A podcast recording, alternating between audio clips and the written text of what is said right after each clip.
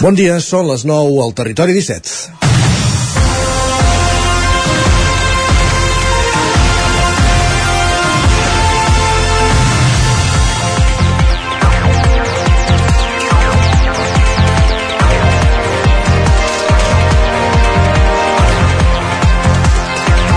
Ripoll ha aparegut els últims dies a les portades i tertúlies de molts mitjans de comunicació de tot l'estat espanyol.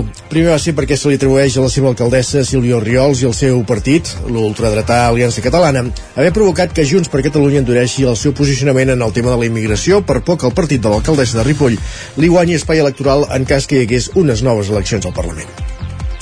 De fet, el partit de Jordi Turull i Laura Borràs va acabar donant suport al PSOE en l'aprovació de les anomenades lleis òmnibus a canvi d'un acord perquè es traspassés al govern de la Generalitat competències sobre immigració. De fet, el que va fer va ser abstenir-se perquè es poguessin aprovar les lleis. És una reivindicació totalment legítima i que té molt sentit. El perill és com s'han fet, com s'ha fet en aquest cas quan es relaciona immigració i delinqüència. El secretari general de Junts va explicar que un dels motius per reclamar les competències, les competències sobre immigració, a part de poder tenir el control dels permisos de residència i treball, és poder expulsar els delinqüents multireincidents. De fet, aquesta és una reivindicació que darrerament s'ha escoltat per part de diversos alcaldes de la formació. És necessari, o més ben dit, imprescindible, parlar obertament d'immigració i obrir el debat. No fer-ho, com s'ha fet des dels partits hegemònics, és cedir tot el discurs només a posicions extremistes contraposades. I també cal parlar de seguretat que, com demostren la majoria d'enquestes, és una de les principals preocupacions de la gent. Cal, però, no barrejar els dos debats. Hi ha el perill d'assenyalar injustament a molts ciutadans amb el risc de trencar la convivència, com sembla que alguns voldrien, i aquí cal assenyalar de nou la gestió que es fa des, de, des dels ajuntaments del padró municipal i que de nou ha situat Ripoll i el seu ajuntament al centre de la polèmica.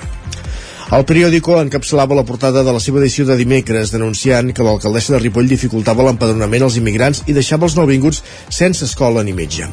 Cal dir que és una estratègia que utilitzen i han utilitzat diversos ajuntaments. Al final, els acaben empadronant perquè estan obligats i estan obligats per llei. També ho fa el de Ripoll, pel camí, però ja han aconseguit en rèdit electoral sense tenir en compte el perjudici i l'agonia que tot plegat pot suposar per a persones en situació de vulnerabilitat. És divendres 19 de gener de 2024, en el moment de començar el territori 17 a la sintonia d'Ona Codinenca, Ràdio Cardedeu, la veu de Sant Joan, Ràdio Vic, el 9 FM, i també ens podeu veure com cada dia a través de Twitch, YouTube, Televisió de Cardedeu, el 9 TV i la xarxa més. Territori 17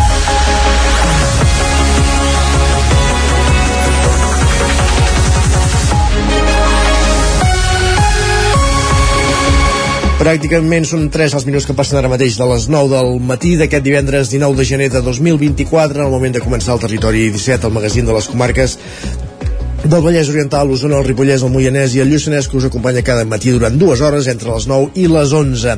De quina manera, amb quins continguts? Doncs ràpidament repassem el més destacat del programa d'avui, avancem al sumari, repassem el menú del matí d'aquest eh, divendres 20, 19 de gener, en aquesta primera mitja hora ens dedicarem a aprofundir en les notícies més destacades de les nostres comarques, les notícies del territori 17. També farem un cop d'ull al cel, al temps. Avui amb especial atenció perquè ens arriba un front que ens pot deixar precipitacions durant tot divendres i rere seu un parell de dies de fred durant tot el cap de setmana. Ens ho explicarà d'aquí uns minutets en Pep Acosta, des d'Ona Codinenca.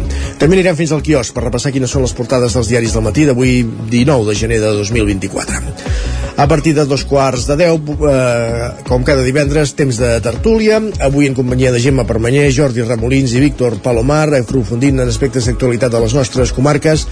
A les 10 notícies, la previsió del temps i els esports a partir d'un quart d'onze. Serà moment de repassar de fer la roda per les emissores del territori 17 per repassar quina és l'agenda, quins són els compromisos dels nostres equips esportistes, dels equips esportistes de les nostres comarques. A partir de dos quarts d'onze, com cada divendres, ens acompanyarà en Jaume Espuny, que arribarà als estudis del 9FM amb un disc sota el braç, un clàssic musical que escoltarem aquí a l'antena del territori 17, eh, just abans de fer una altra roda per les emissores que dia a dia fan possible aquest programa per repassar l'agenda d'actes del cap de setmana, un cap de setmana que, com dèiem, eh, d'entrada es presenta fred, tot i que sense pluja ni neu. N'hi haurà avui, però no dissabte ni diumenge. Pel que apunten les previsions i, com dèiem, ens explicarà d'aquí uns minuts en Pep Acosta. 5 minuts ara mateix que passen de les 9 del matí, per tant és moment de posar-nos en dansa, de posar-nos amb l'actualitat de les nostres comarques, les notícies del territori 17, que són les notícies del Vallès Oriental, Osona, el Ripollès, el Moianès i el Lluçanès. Territori 17.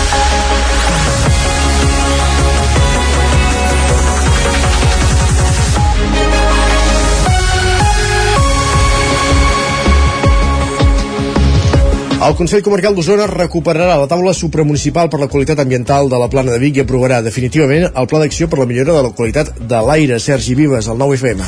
El pla presentat l'any 2020 havia quedat aturat per la pandèmia i també a l'espera de l'aprovació del pla català, que va amb retard. El Consell ha decidit tirar endavant el seu propi document. Ho explicava la consellera Esther Coma dimecres al primer Consell d'Alcaldes i Alcaldesses del mandat. Tornar a constituir el que he comentat abans, eh, la taula de supramunicipal, d'aprovar definitivament el pla de qualitat de l'aire amb dades actualitzades, esperem que sigui molt properament, més, més, més d'hora que tard, uh, buscar i reclamar recursos per implementar les mesures que s'estableixin en aquest pla de qualitat de l'aire d'Osona i sobretot també doncs, pressionar a nivell ja de país doncs, a, a, de que s'aprovi aquest pla de qualitat de l'aire de Catalunya. Esther Coma també va recalcar la unitat d'acció de tots els partits implicats en el govern del Consell. L'alcalde de Sant Quirze, David Solà, de la CUP, demanava que aquest partit, que no en forma part, se'ls tingués en compte i l'alcaldessa de Viladrau, la republicana Margarida Feliu, posava èmfasi en la necessitat que el Consell disposi de personal tècnic especialitzat en aquest àmbit. I m'agradaria aquesta part també pues, comptar a la CUP que no estem al Consell de Direcció i no estem dintre de l'òrgan de govern del Consell Comarcal, però sí que almenys amb els consellers o almenys amb els alcaldes que som aquí poder participar i poder dir també la nostra, l'experiència ja en compte. Que el Consell Comarcal no tingui un tècnic perquè no el tenim, perquè ens costa, no? Ni un tècnic de mobilitat ni un tècnic de qualitat de l'aire és una de les pressions que crec que el Consell Comarcal d'Osona ha de fer perquè la consellera no estigui sola el Pla d'Acció per la millora de la qualitat de l'aire a Osona contemplarà, entre d'altres, la petició que s'acceleri el desdoblament de la R3, la sol·licitud de recursos per poder implantar estratègies de mobilitat sostenible entre els pobles i les principals ciutats de la comarca i també pel projecte Osona Biocircular, destinat a reduir l'impacte ambiental i el consum energètic de la indústria agroalimentària.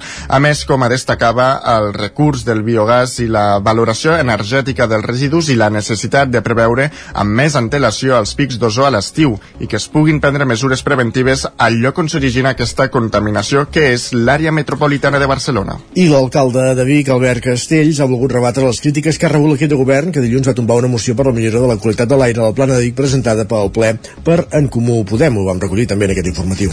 Els comuns, Esquerra, el PSC i la CUP hi donaven suport i la moció no va prosperar pels vots en contra del govern de Junts i ara Vic i de Som Identitaris. Ara, en una compareixença, Castells ha demanat unitat als grups municipals i s'ha mostrat totalment alineat amb l'estratègia comarcal presentada per Esther Coma, consellera i també regidora del govern de Vic.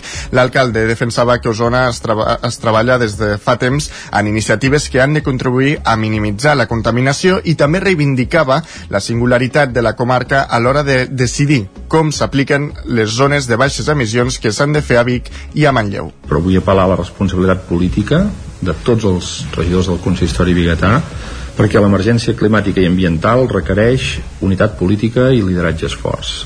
Des de Vic serem contundents i treballarem conjuntament amb la segona ciutat de la comarca també, que és Manlleu, i amb la comarca sencera. Creiem que el model de zona de baixes emissions pensat per grans ciutats doncs no s'adequa a la realitat de la plana de Vic, perquè és un contrasentit restringir el trànsit al centre urbà de Vic quan ja el 2011 vam fer aquesta feina i que continuïn passant camions en trànsit per posar només un exemple des de l'estat espanyol fins a Europa per la C25, deixant només per Osona doncs, un input d'emissions de, de gasos contaminants i cap altre input econòmic. Per Castells, la problemàtica de la qualitat de l'aire és important, però també diu que hi ha eines per millorar-la i que cal evitar l'alarmisme.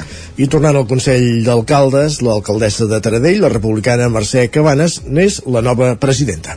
L'elecció es va fer pràcticament per unanimitat, tret del vot de l'alcalde de Vilanova de Sau, Jaume Orra, que es va abstenir, segons va dir, no perquè tingués res en contra de Cabanes, sinó perquè s'havia assabentat el mateix dia del nom.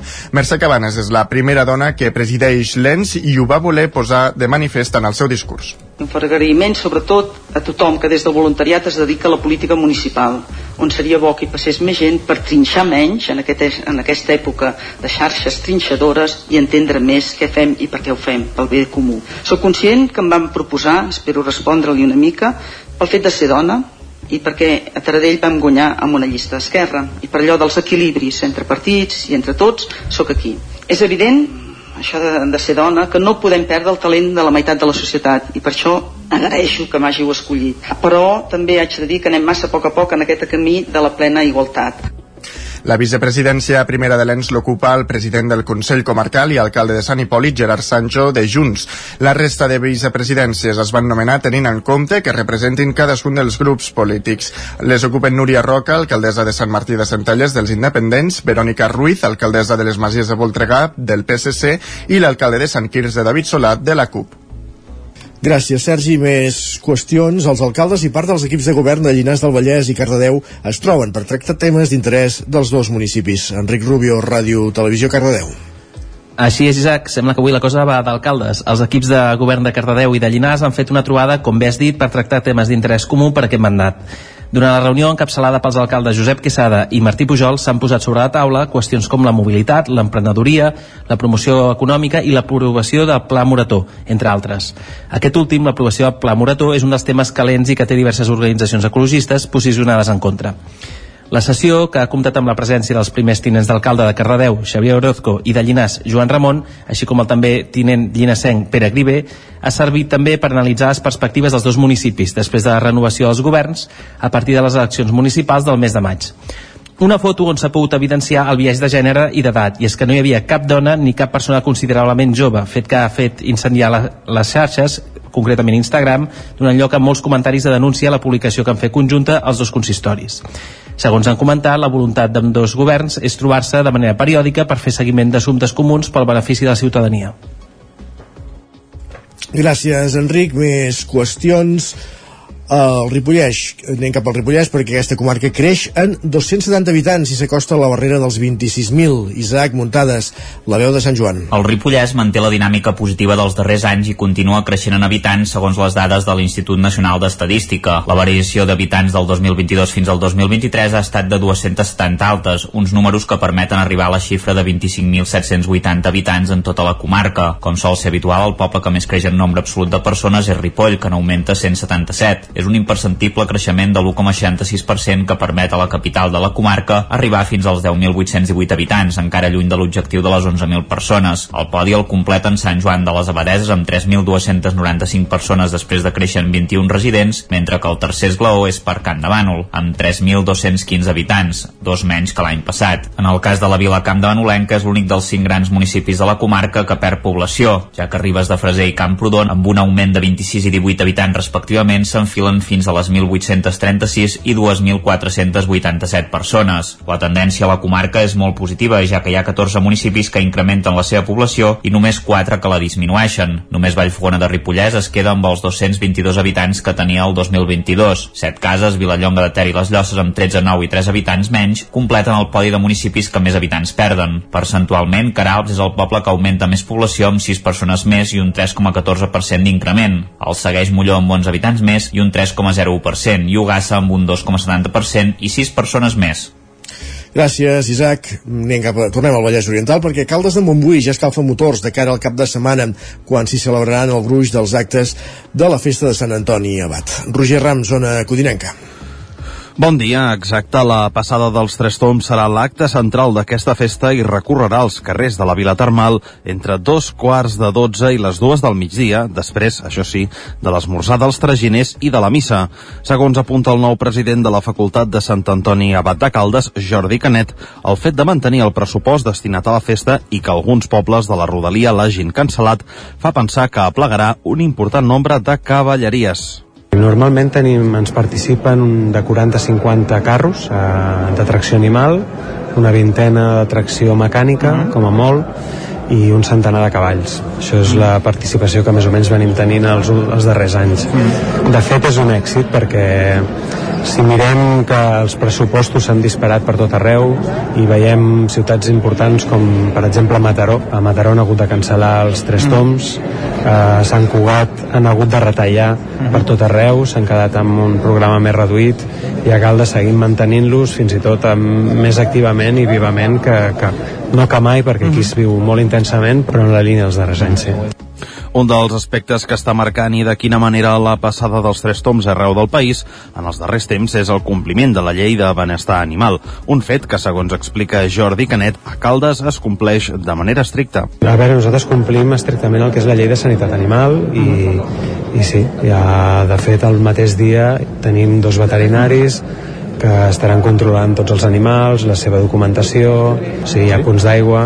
S'ha de dir que els cavalls no veuen. Veuen al principi com a molt i mentre estan tirant no volen veure. Mm. I per tant és un tema que, que es fa per protocolar i seguint les normatives que ens han dictat, però que en realitat veuran al principi o al final, però no mentrestant.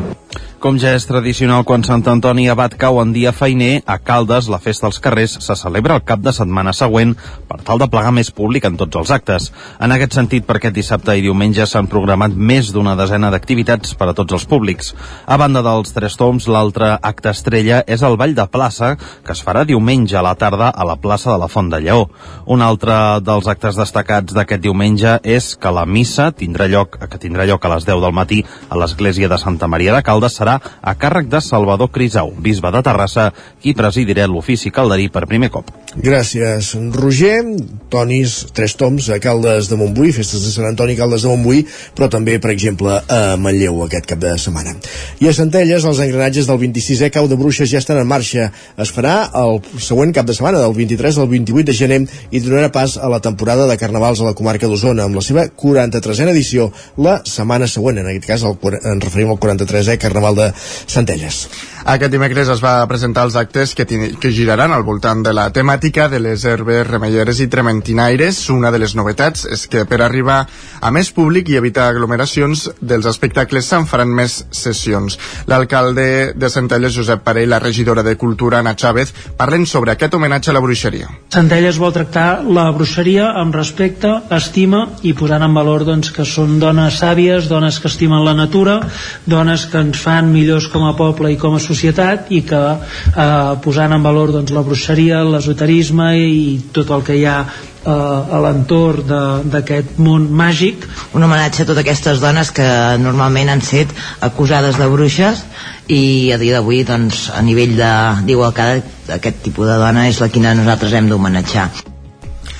El Mercat Màgic tindrà unes 90 parades i la festa també estrena un nou espai al Pla del Mestre on s'hi habilitaran food trucks i també s'hi faran activitats familiars. Al Cau de Bruixes i també al Carnaval, que tindrà lloc la setmana següent, s'incorporaran activitats accessibles per a infants amb altres amb capacitats i diversitat funcional i a la Rua de Carnestoltes un tram tranquil. En parlen Anna Chávez i des de l'organització del Carnaval, Xavi Portet. Anem treballant perquè les nostres festes siguin adaptades els jocs eh, estan destinats a, eh, a monitors especialitzats per a infants amb altres capacitats i diversitats funcionals i eh, els espectacles centrals i els espectacles de Jack de Campana de Vitruvi també hi haurà llenguatge de signes perquè era una demanda que teníem. Un tram de la Rua que comprendrà des de l'estació de tren fins a pràcticament la rotonda d'en Cerdà en la qual estaran les músiques molt més baixes eh, no tanta llum al Carnaval ja hi ha inscrites 17, 17 comparses i 6 grups individuals i una de les novetats és que s'afegeix al vot popular.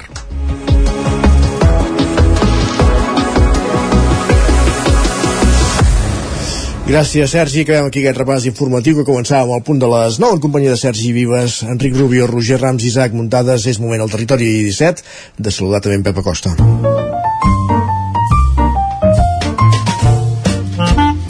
Casa Terradellos us ofereix el temps. Què ens depararà aquest front que ja ens ha començat a deixar aigua minsa, poc encara aquest matí?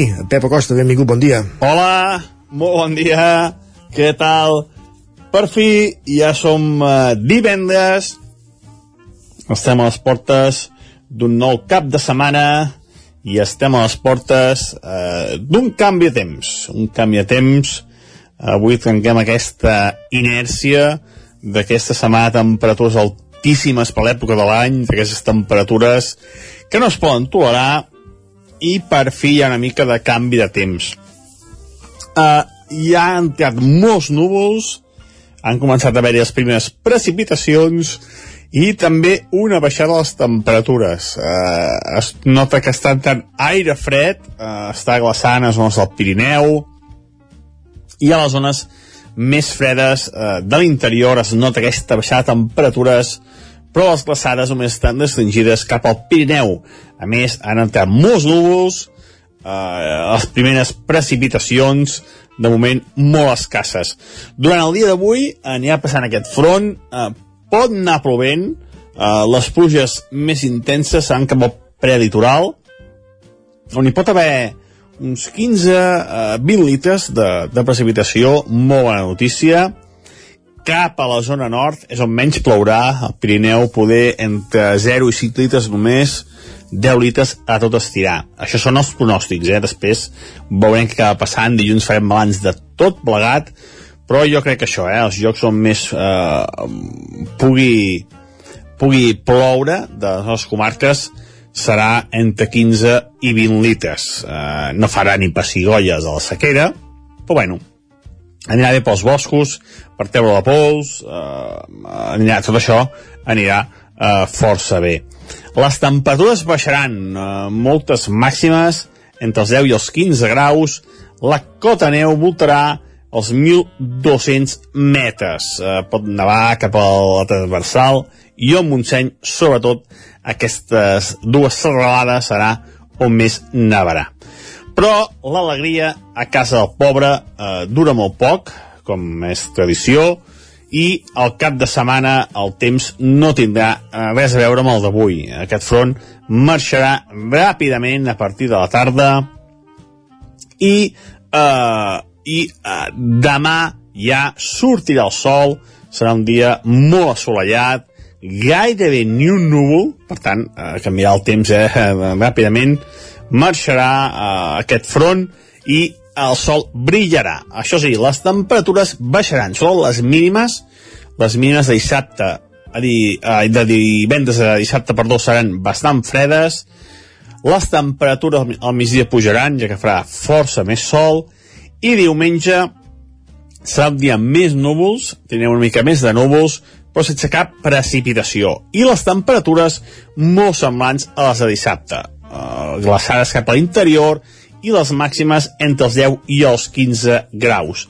Temperatures tant dissabte com diumenge normalitzades per l'època de l'any, però cap onada de fred, ni molt menys, però tampoc direm les temperatures d'escàndol que hem tingut aquests dies de la setmana dels barbuts. En definitiva, resumint, i anar molt de pressa, aquest cap de setmana, avui pluja, els jocs més beneficiats entre 15 i 20 litres, menys pluja cap al Pirineu, neu a uns 1.200 metres i farà més fred de cara al cap de setmana, se'n va aquest front, farà eh, força sol i temperatures normalitzades per l'època de l'any, en glaçades nocturnes i màximes entre els 10 i els 15 graus. Això és tot. Adeu. Gràcies, Pep. Parlem d'aquí una estona. Casa Tarradellas us ha ofert aquest espai. I el que fem ara és anar ràpidament cap al quiosc perquè Sergi, Sergi Vives, des del 9FM és moment de repassar quines són les portades dels diaris del matí. Avui és divendres, per tant comencem per repassant les portades de les dues edicions del 9-9. Així és, començarem per la d'Osona, el Ripollès i Lluçanès, on ens diuen que Sau no havia estat mai tan buit. Diuen que només està al 5,4% de la seva capacitat. Expliquen que la que ha derivat aigua cap a Susqueda per garantir la qualitat de la que es consumeix. I veiem aquesta imatge del pantà de Sau realment sota mínims. Exactament. De fet, sí que havia estat més buit, quan no existia el pantà, però vaja. Clar. altre paner. més qüestions, va. Um, al 9-9 del Vallès Oriental ens diuen que uns desconeguts assalten al pis de l'alcalde de l'Ametlla per segon cop en tres mesos. Expliquen que Jan Santaló creu que podria tenir a veure amb la seva condició d'alcalde. I per altra banda, i sota el titular Els treballadors no rendeixen, expliquen que el comitè de Danone insisteix que la planta va superar la producció prevista per al 2023. Anem a repassar portades dels diaris que s'editen a Barcelona. A La Vanguardia ens diu que el jutge insisteix a acusar de terrorisme pel tsunami i complica l'amnistia. Expliquen que García Castellón veu consolidada la seva posició contra Puigdemont i Rovira alhora que es negocia la llei al Congrés. Lara destaca una inèdita manifestació anti-Putin als Urals. Expliquen que ha sigut la protesta més nombrosa des de la invasió d'Ucraïna. Diuen que milers de persones es van manifestar dimecres a la nit en una zona dels Urals en contra de la detenció d'un líder independentista de la República de Baixquíria. Uh, continuem amb uh, portades espanyoles. El País diu que Junts assumeix els lleus retocs del PSOE a la llei d'amnistia expliquen que els independentistes no aconsegueixen recolzaments en la seva proposta en el primer tràmit. Expliquen que el jutge García Castellón veu terrorisme en manifestacions no comunicades.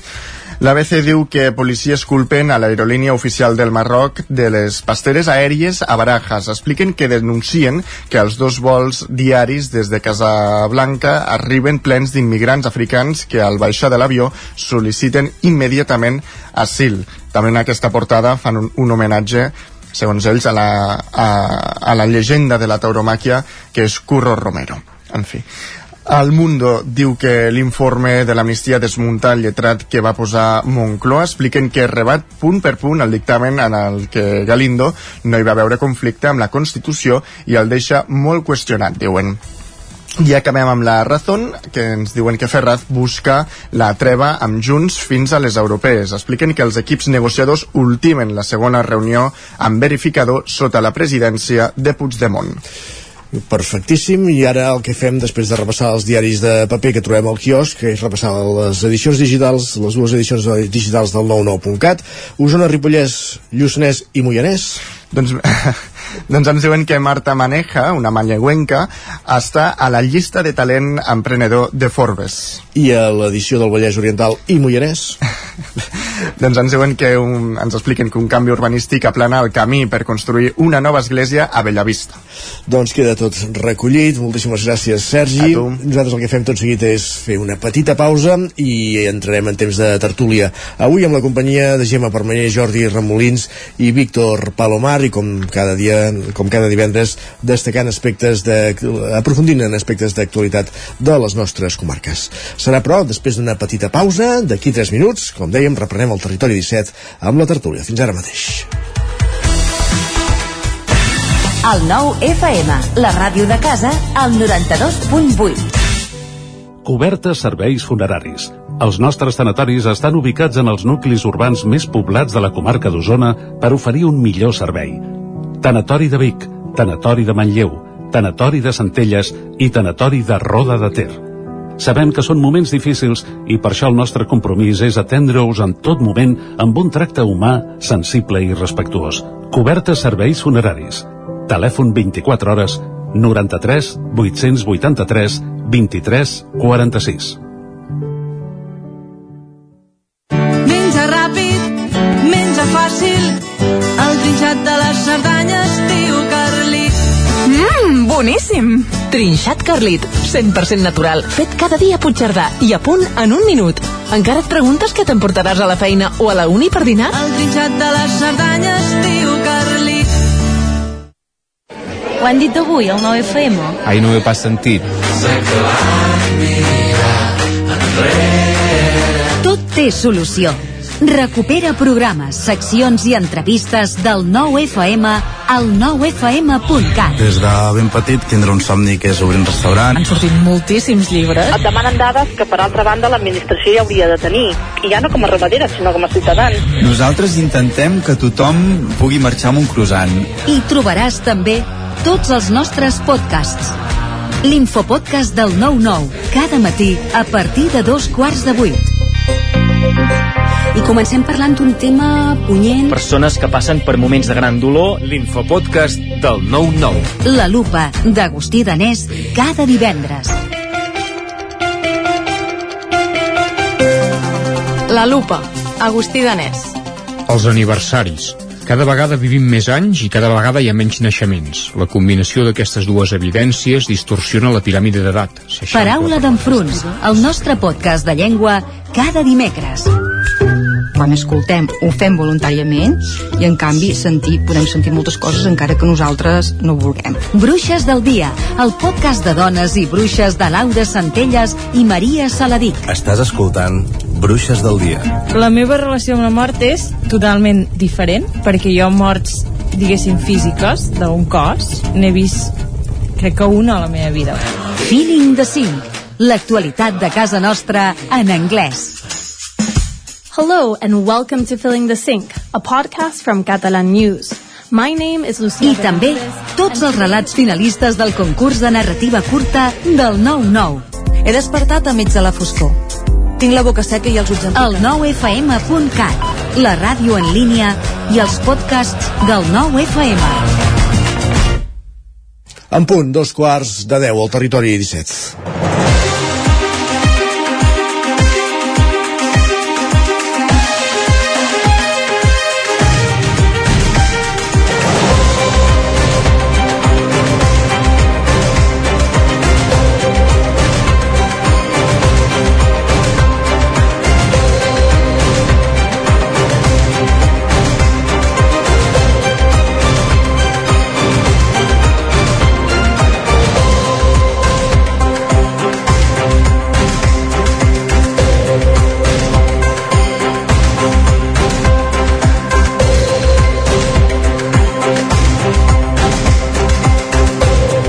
Temps de tertúlia al territori 17, com cada divendres, avui en companyia de Víctor Palomar, de Gemma Bromer, de Jordi Ramolins, per aprofundir en diversos aspectes d'actualitat de les nostres comarques. Aquesta setmana llegíem al periòdico el cas d'una família de, de Ripoll que tenia problemes per, per empadronar-se. Es tractava d'un home de, que fa 16 anys que viu i treballa a la població, que aquest passat mes de novembre aconseguia el regrupament familiar familiar i que té dos menors a càrrec seu que no poden empadronar i això suposa que, per exemple, no tenen targeta sanitària, no tenen servei mèdic eh, i, entre altres qüestions, tampoc els poden escolaritzar.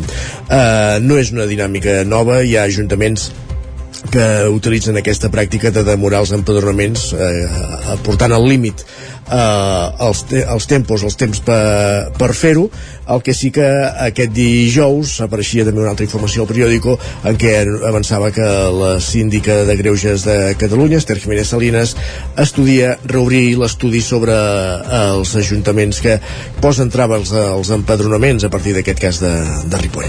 És una de les qüestions que volem, de les quals volem aprofundir avui a la tertúlia. Comencem per exemple, Jordi Ramolins, periodista del 9-9, destacat a, a Ripoll i el Ripollès. Benvinguts, bon dia. Bon dia, Isaac. Uh, una, també, també podem saludar d'aquí uns moments a la, a la Gemma Permanyer que s'incorpora a la tertúlia, també en Víctor Palomar uh, Jordi, ja que començàvem tractant aquesta qüestió de, de Ripoll de, del Ripollès uh, el fet que es posin traves a l'empadronament eh, i sobretot a les persones d'origen estranger segurament tampoc ens ha de sorprendre tenint en compte qui governa ara mateix l'Ajuntament de Ripoll, no? Sí, de fet, en els plens eh, recurrentment l'oposició li està eh, tirant encara, sobretot eh, la, la CUP, els, els membres de la CUP, que, que faci aquesta mena de polítiques que, que bé, que van més contra les persones que no pas contra, contra un, unes lleis que, que, ja estan, que ja estan fetes i que ja d'altra banda acaten en aspectes com tornar a posar la bandera espanyola a l'Ajuntament. Eh, a partir d'aquí, bé, eh, ja, ja se sap que, que, que ho fa i la seva excusa és ho portaven al programa electoral i per això em van, em van votar. De totes maneres, el que fa és posar traves, però al final la, aquestes persones s'acaben empadronant perquè no hi ha més opció, per entendre'ns, no? Sí, sí, sí, l'únic que fa és, és perllongar aquesta angoixa per, per, per aquesta gent i bé, ja sabem tots que, que el tema de la immigració no se solucionarà a Ripoll ni molt menys. Per tant, que és un tema molt, molt global i que sembla que tot just ara se'n se comença a parlar perquè hi ha hagut junts que, que, també, que, que també hi ha incidit, no? Que Junts és, eh, eh, negociava aquesta, aquesta transferència de les competències en immigració cap a Catalunya la setmana passada després d'abstenir-se en les votacions d'aquestes lleis òmnibus i, i que ha generat en renou entre altres coses perquè el govern de la Generalitat no, no era una cosa que contemplés en, en, aquell, en aquell moment. Uh, Gemma, veiem que estàs connectada no et veiem la imatge, no sabem si ets per aquí o no. Bon dia no, encara, no encara. Doncs mentre farem la incorporació de, de la Gemma i d'en de, i Víctor eh, Jordi, continuem abordant aquesta actualitat eh, ripollesa. Eh, no sé si us es va sorprendre en certa manera aquestes informacions del periòdico o aquest rum-rum, com bé deies, ja, ja hi és de fa dies als, als plens i, i coneixeu altres casos a part d'aquesta família en concret que, que coneixíem dimecres a les pàgines del periòdico.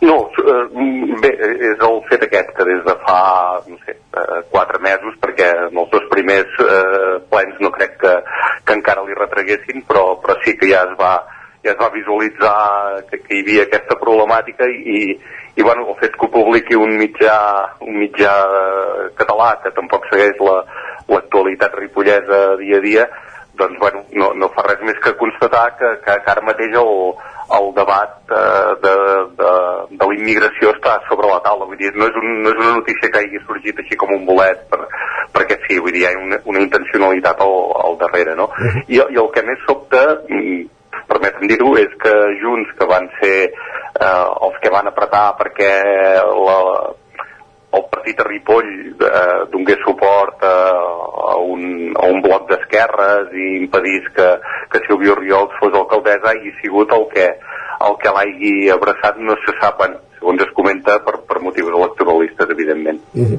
I pels bars què es comenta? Quin és el rum-rum al respecte? No vaig, no vaig massa als si, si vaig a algun bar no solen parlar de política, precisament. Carai. I no, Però... dies, dies.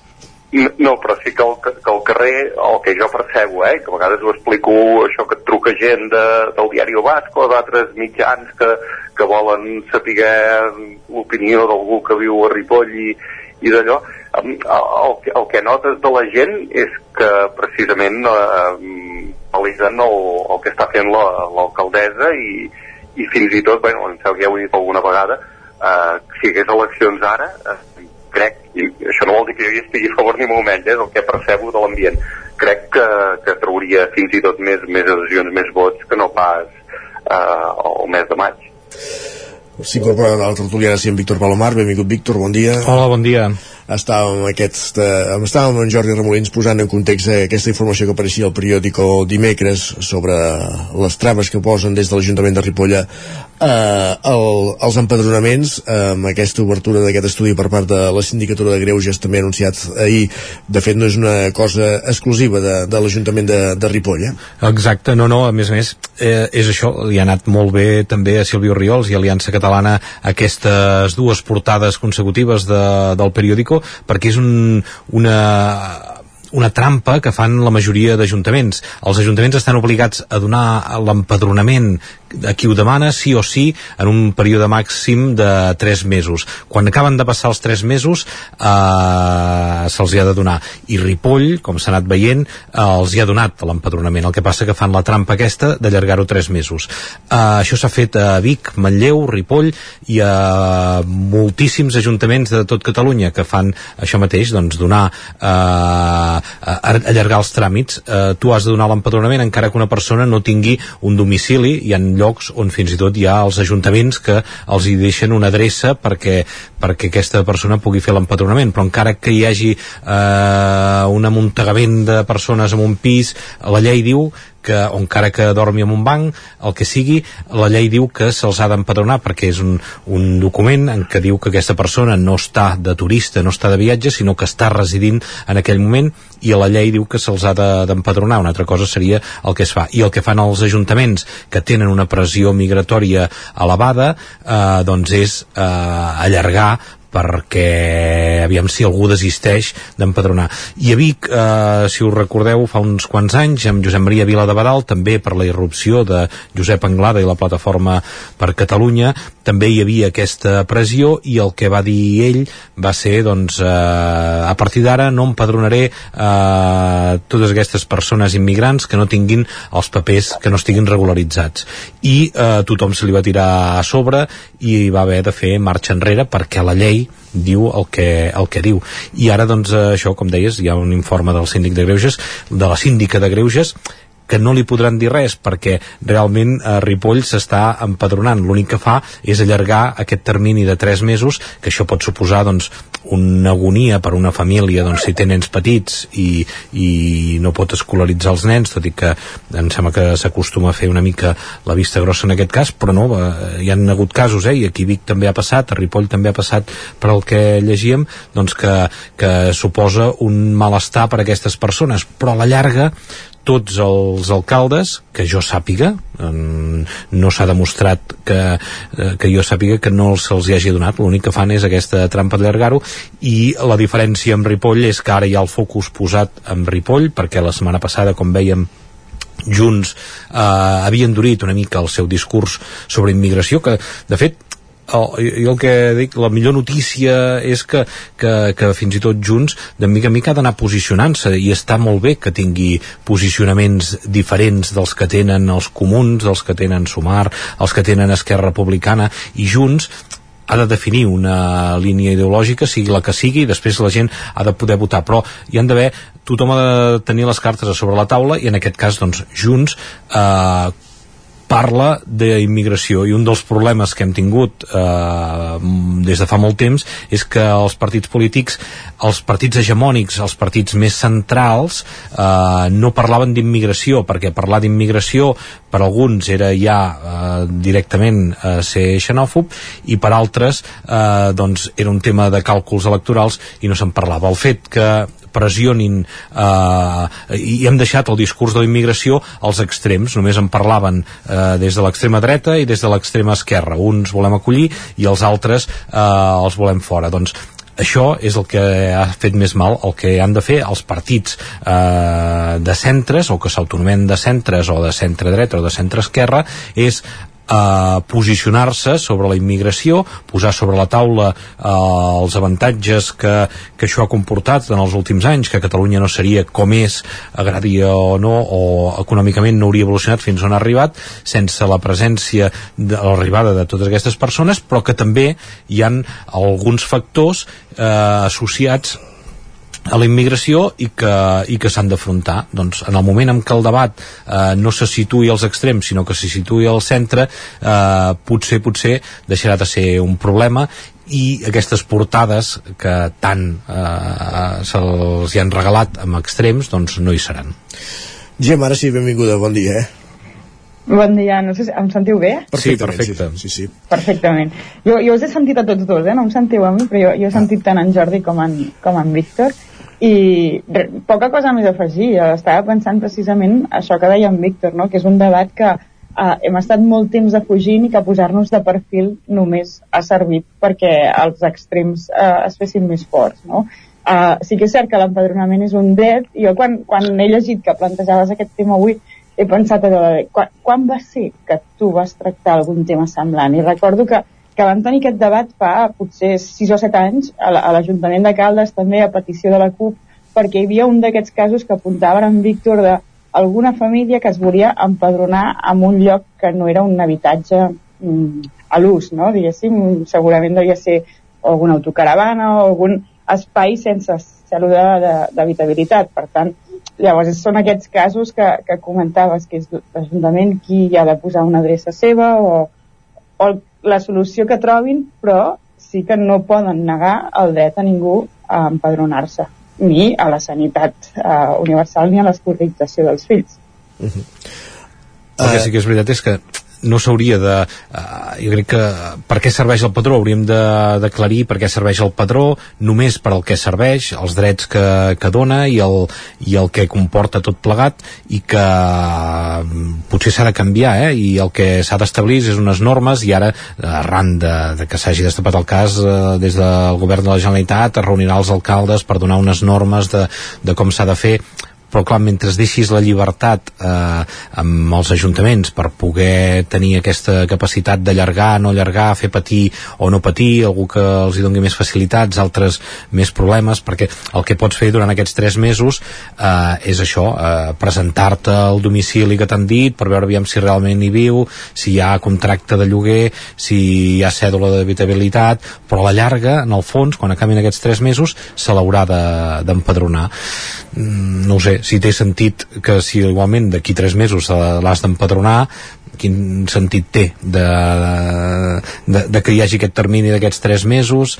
L'únic que fan és això de que els ajuntaments en funció de qui governa doncs eh, posen més pals a les rodes o en posen, en posen menys. I, i et dic que és un tema que el mandat passat aquí Vic eh, va sortir eh, que, que passava i el i la resposta no va ser una altra, la mateixa, dient que aquí vi que es feien les coses bé i s'inspeccionava perquè no hi haguessin, doncs això, ocupacions, eh, fins i tot encara que hi hagi un pis ocupat es pot empadronar algú, eh? o sigui que no, no, no hi ha limitacions. Està clar. Però eh, és, això, és una eina que utilitzen els ajuntaments per fins i tot algú en pot fer gala eh, o altres ho amaguen, però altres en fan gala de que fan aquestes trampes que les estan fent tots trampes o, Traves, o, o jugar, exacte, són sí, més sí. traves.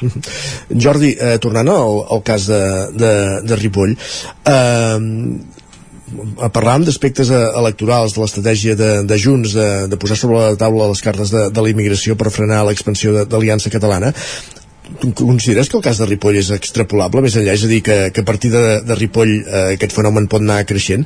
O el cas de, de, la, de la irrupció de Silvio Riols d'Aliança Catalana a l'Ajuntament de Ripoll es devia més al desgast del grup municipal concret de Junts de, de l'Ajuntament de Ripoll? Bé, se- sembla, no sé, eh? eh, tampoc sóc politòleg, però em sembla que és una barreja de, de, de diversos factors entre els quals aquests dos i, i, i de fet amb ella li han arribat a, tornant al, tornant al tema del, del, de l'empadronament, li van demanar que donés una adreça municipal perquè la gent que arribava a l'Ajuntament pogués empadronar-s'hi, a la qual cosa evidentment s'hi va negar. I com que no té majoria van necessitar els vots de Junts i dels independents que, que van donar-hi suport.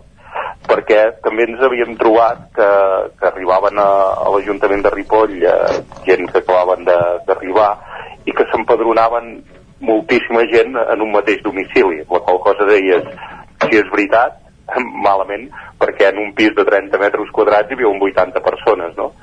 I, i per l'altra, mm, perquè eh, no són pisos eh, normalment els que s'utilitzen per empadronar-se que, que tinguin ni tan sols la cèdula de, de i per això la CUP va dir, eh, pel tanto, donem una adreça, no, no els hi posem complicats, no favorim que les màfies eh, cobrin per, per donar, per, perquè ells puguin donar una adreça que en realitat és falsa, i, però, però no, no, no va prosperar. També he de dir una cosa, que els serveis socials no deixen a ningú sense serveis mèdics. O sigui que, que mm, a vegades es fa una mica de de- de- de- d'espectacle de, periodístic dient, bueno, aquest, aquests nanos queden sense, sense atenció mèdica. No crec que els serveis socials deixin a ningú sense, sense atendre, tot i que no sé quina, quina seria la voluntat de, dels polítics que hi ha al capdavant de l'Ajuntament, eh, en aquest cas.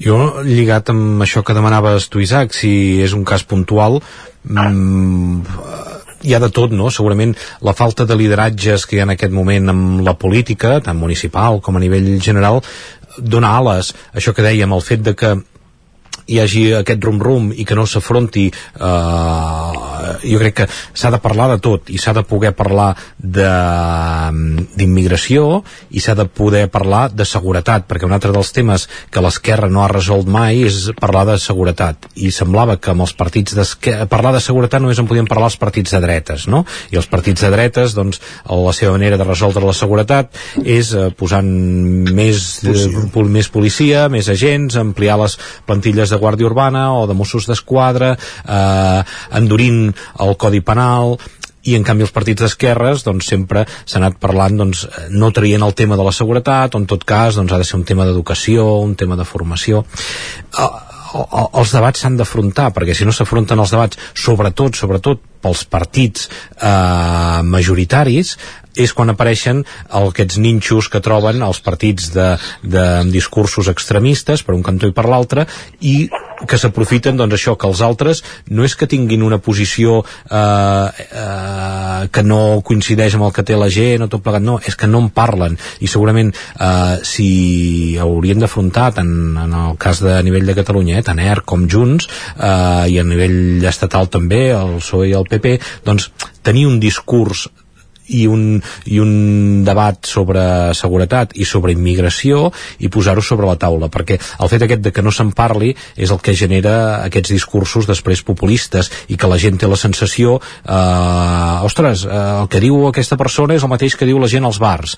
Doncs mm, bé, eh, si, si si tot funcionés bé, aquests partits que són els que acaben tenint més vots eh, a, les, a les eleccions i que aconsegueixen un percentatge molt elevat de les eleccions quan hi ha eleccions al Parlament de Catalunya, haurien de tenir una resposta o una, un posicionament doncs, amb això mateix, no? doncs, amb temes d'immigració i amb temes de, de seguretat. Amb el, amb el que no es pot fer és barrejar els dos temes, com sí que ha passat aquests dies i que a Ripoll es fa molt, molt habitual amb els discursos i eh, aquests dies doncs, també ho ha fet Junts, és intentar barrejar els dos temes.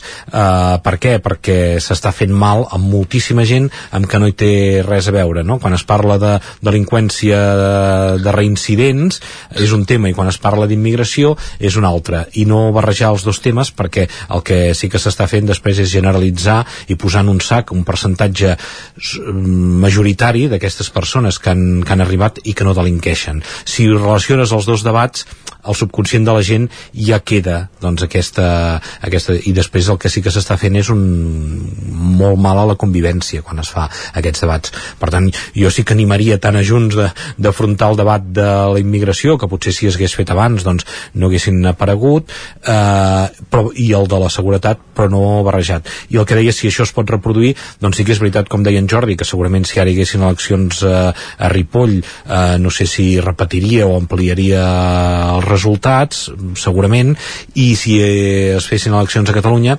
entrar al Parlament és car i després s'ha de vigilar amb les circumscripcions, has de, de presentar-te eh, és, és, és més difícil però algun tipus de representació recordem que Plataforma per Catalunya es va quedar a les portes també d'aconseguir representació Aliança Catalana on barreja el mateix discurs amb immigració perquè és calcat eh, no, sí, sí, eh, l'únic que, que hi ha és un amagava la, la bandera espanyola i ella eh, es, es tapa amb l'estelada. Per tant l'únic que canvia és que aquí a més a més hi ha aquest eh, punt d'independentisme. Per tant jo crec que si ara hi haguessin eleccions al Parlament si els altres partits eh, continuen fent com ho estan fent ara doncs Aliança Catalana podria tenir representació sí, sí, i, i ho notes amb la gent perquè els altres no tenen resolt el discurs sobre immigració i sobre seguretat a, a part. Gemma. A, a, anava fent que sí amb el cap perquè sentint el Víctor pensava que, que quan, quan ha començat a parlar he pensat en aquest sentit Osona és molt diferent al Vallès potser pels precedents de, de Plataforma per Catalunya i d'Aliança Catalana però a mesura que anaves avançant uh, amb la teva argumentació pensava és que això aquí ho vam sentir durant la campanya amb Vox, tant a Granollers com a Canovelles. El seu discurs era precisament aquesta barreja entre seguretat, bueno, de vincular la seguretat amb la immigració i gairebé era el seu discurs únic, perquè propostes concretes per cada un dels municipis uh, no, no les tenien i tant a un lloc com a l'altre van acabar aconseguint representació que en aquest cas ara, si en cas ja en parlarem un altre dia, no? però, però en el cas de, de Canovelles s'ha accentuat amb tota aquesta polèmica que tenen ara amb el Top Manta, amb aquests milers de manters, que, ai, milers, centenars de manters que porten milers de persones cada, cada diumenge aquí i que això està dividint molt la població de Canovelles entre els que estan a favor i els, els que estan en contra, però és que a sobre s'hi barreja el tema immigratori. Mm. Jordi, perdona, que volies intervenir també, eh? Sí, um, un, detall que, que, que em, em sembla que jo, jo hi he insistit bastant, però que, que, que, que hi continuem caient de quatre potes. Eh? Uh, és en, el, és en, la, en, en l'adjectivació, en l'ultradreta. Val? Uh, estem, uh, s'està perdent una mica de vista que, que, que, que, que de racisme n'hi ha a tot arreu. I, i qualificar d'ultradreta eh, així per, per, per, perquè és xenòfoba o, o, o racista, em, em sembla que, que segueix sent un error i que, i que és per aquí, per on va aconseguir els 1.400 vots a Ripoll i per lo qual la veuen una, un perill real per, per, per, pel seu accés al, al govern de, de la Generalitat, no, no com a president, evidentment, però sí per entrar al, al Parlament. Per mi que hi ha la diferència que hi podia haver amb l'Anglada, o, o que hi pot haver fins i tot en Vox, que, que Catalunya afortunadament no té gaire raó. Però Jordi, Vox, Vox és ultradreta? Per, per mi clarament, sí. Uh -huh. I la Sílvia Riols i Aliança Catalana és ultradreta? Jo, per mi, per mi, són... Bé, tenen... Té, Però el discurs, el discurs amb immigració és calcat, i el de Plataforma per Catalunya, perquè sí. jo fa 20 anys que el segueixo, i, i jo quan sento la Sílvia Oriols, ja és allò que, que tens la, la, la pell curtida i, i, i no, no, no em sorprèn res, perquè li he sentit calcat, calcat, calcat amb l'anglada, i per tant em costa de per què per què diferencies l'anglada de la Sílvia Oriols quan el discurs amb immigració és calcat, i el que diu la, la, la Sílvia Oriols l'anglada ho aplaudeix amb les orelles. I Vox ho aplaudeix amb les orelles.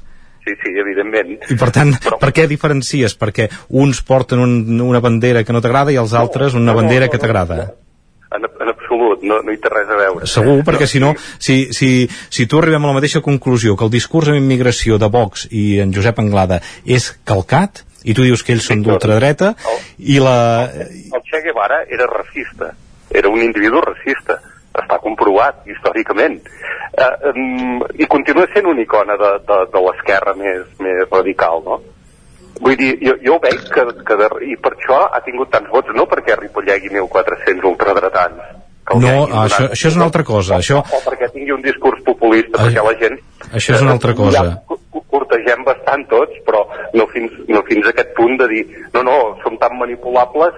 Eh, hi, ha un, hi ha una problemàtica que, que, que no s'ha afrontat, com has dit, que ara s'està començant a posar a sobre la taula, però a mi em sembla d'una lleugeresa bastant... Eh, eh, no sé, bastant irresponsable de, de qualificar algú d'ultradreta només perquè sigui xenòfob o, o, o racista, perquè per mi no, no hi té... No hi té doncs, doncs per què, per, què dius, per què dius que l'Anglada és d'ultradreta? colló, primera per, per, per origen, per, per classe social. Eh, Mm, crec que és un advocat, no? No, no, no, no, no, no. venia a l'ACAS, per les perruqueries. Venia a la... Sí, sí, sí. Era comercial. Era comercial de l'ACAS i anava a les perruqueries venent, venent l'ACA.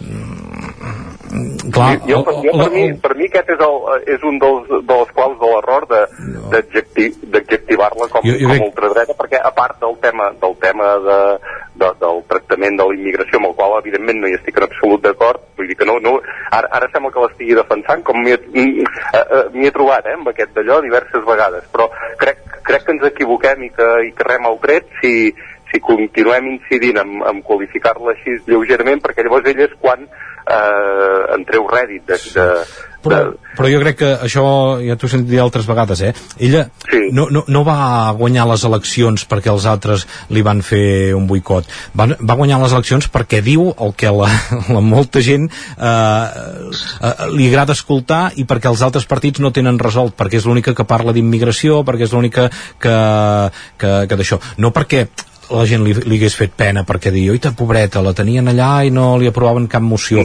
La gent del carrer, la gent del carrer no, la gent del carrer no, no, no ho sap tot aquest d'això que nosaltres els, els periodistes i els polítics sabem tenint. Ella, el, la gràcia, la gràcia... Amb, les xarxes socials, Víctor, has de pensar que... que um, Twitter és una bombolla. Sí, gent que no llegia el... E- Ella se n'ha afavorit moltíssim de, de que ara eh, el WhatsApp, el Twitter o altres, altres o Instagram que, Però ella que no- poder arribar o- on po- possiblement gent que no, no agafa la premsa de paper o que no mira la, la, la tele comarcal doncs eh, a través de, a través d'aquests mitjans sí que, sí que veu com ella eh, es queixava de oita com, com em menys tenen No, com, el, els missatges que tenien retuits eren els que quan diu que el que s'ha de fer és fer-los a fora i que, i que pobrets es queixen però, però després les nostres iaies no tenen ajuts i passen gana les nostres iaies i en canvi els que, els que arriben ho tenen tot gratis. Aquests són els missatges i el que li ha donat el, el, els vots. No perquè digués, ui, Esquerra i, i Junts eh, no m'han aprovat una, una moció eh, eh, la gent no està per aquests, per aquests detallets eh, polítics. Jo crec que el que s'ha fet malament és que els altres partits no han resolt el discurs i s'ha cedit el, el debat de la immigració amb aquests eh, partits de- d'extrems amb què no porten solucions sinó que, que només el que fan és intentar treure'n rèdit polític. I, el, i en el moment en què això es trenqui la gent el que volem és solucions, no volem eh, espectacles, no? I el que volem és que se solucioni.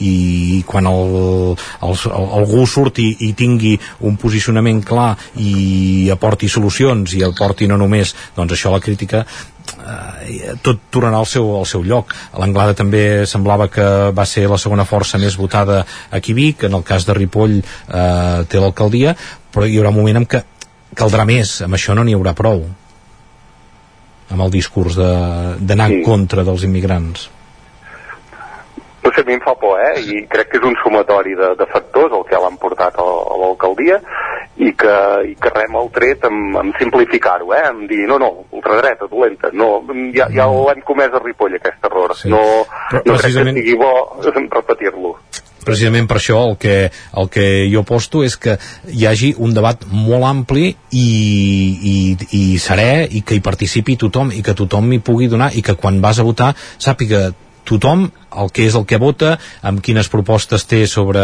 seguretat, sobre immigració, sobre eh, cultura, sobre esports. Jordi Ramolins i Mar, Gemma Permanyer, moltíssimes Només gràcies. Només ens separen 30 quilòmetres, Exacte. són aquests, no? uh, moltíssimes gràcies per ser avui a, a la tertúlia, aprofundint en aquests aspectes que, que com dèiem, uh, moltes vegades no es volen tractar. Avui hem dedicat tota la tertúlia i us agraïm la, les aportacions a tots I amb en Jordi en parlem per telèfon en privat, eh, però... Sí, sí, de fet avui, avui s'ha fet públic, públic una conversa eh? habitual, eh? La podríem tenir per telèfon i en qualsevol moment, eh, quan ens truquem. Gràcies a tots tres. Hem escoltat el temps de tertúlia. Bon dia. Adéu. Adéu. Adéu. Doncs, superada el temps de tertúlia al territori 17, és moment d'actualitzar-nos ara que ja passa pràcticament un minut de les 10 del matí. Territori 17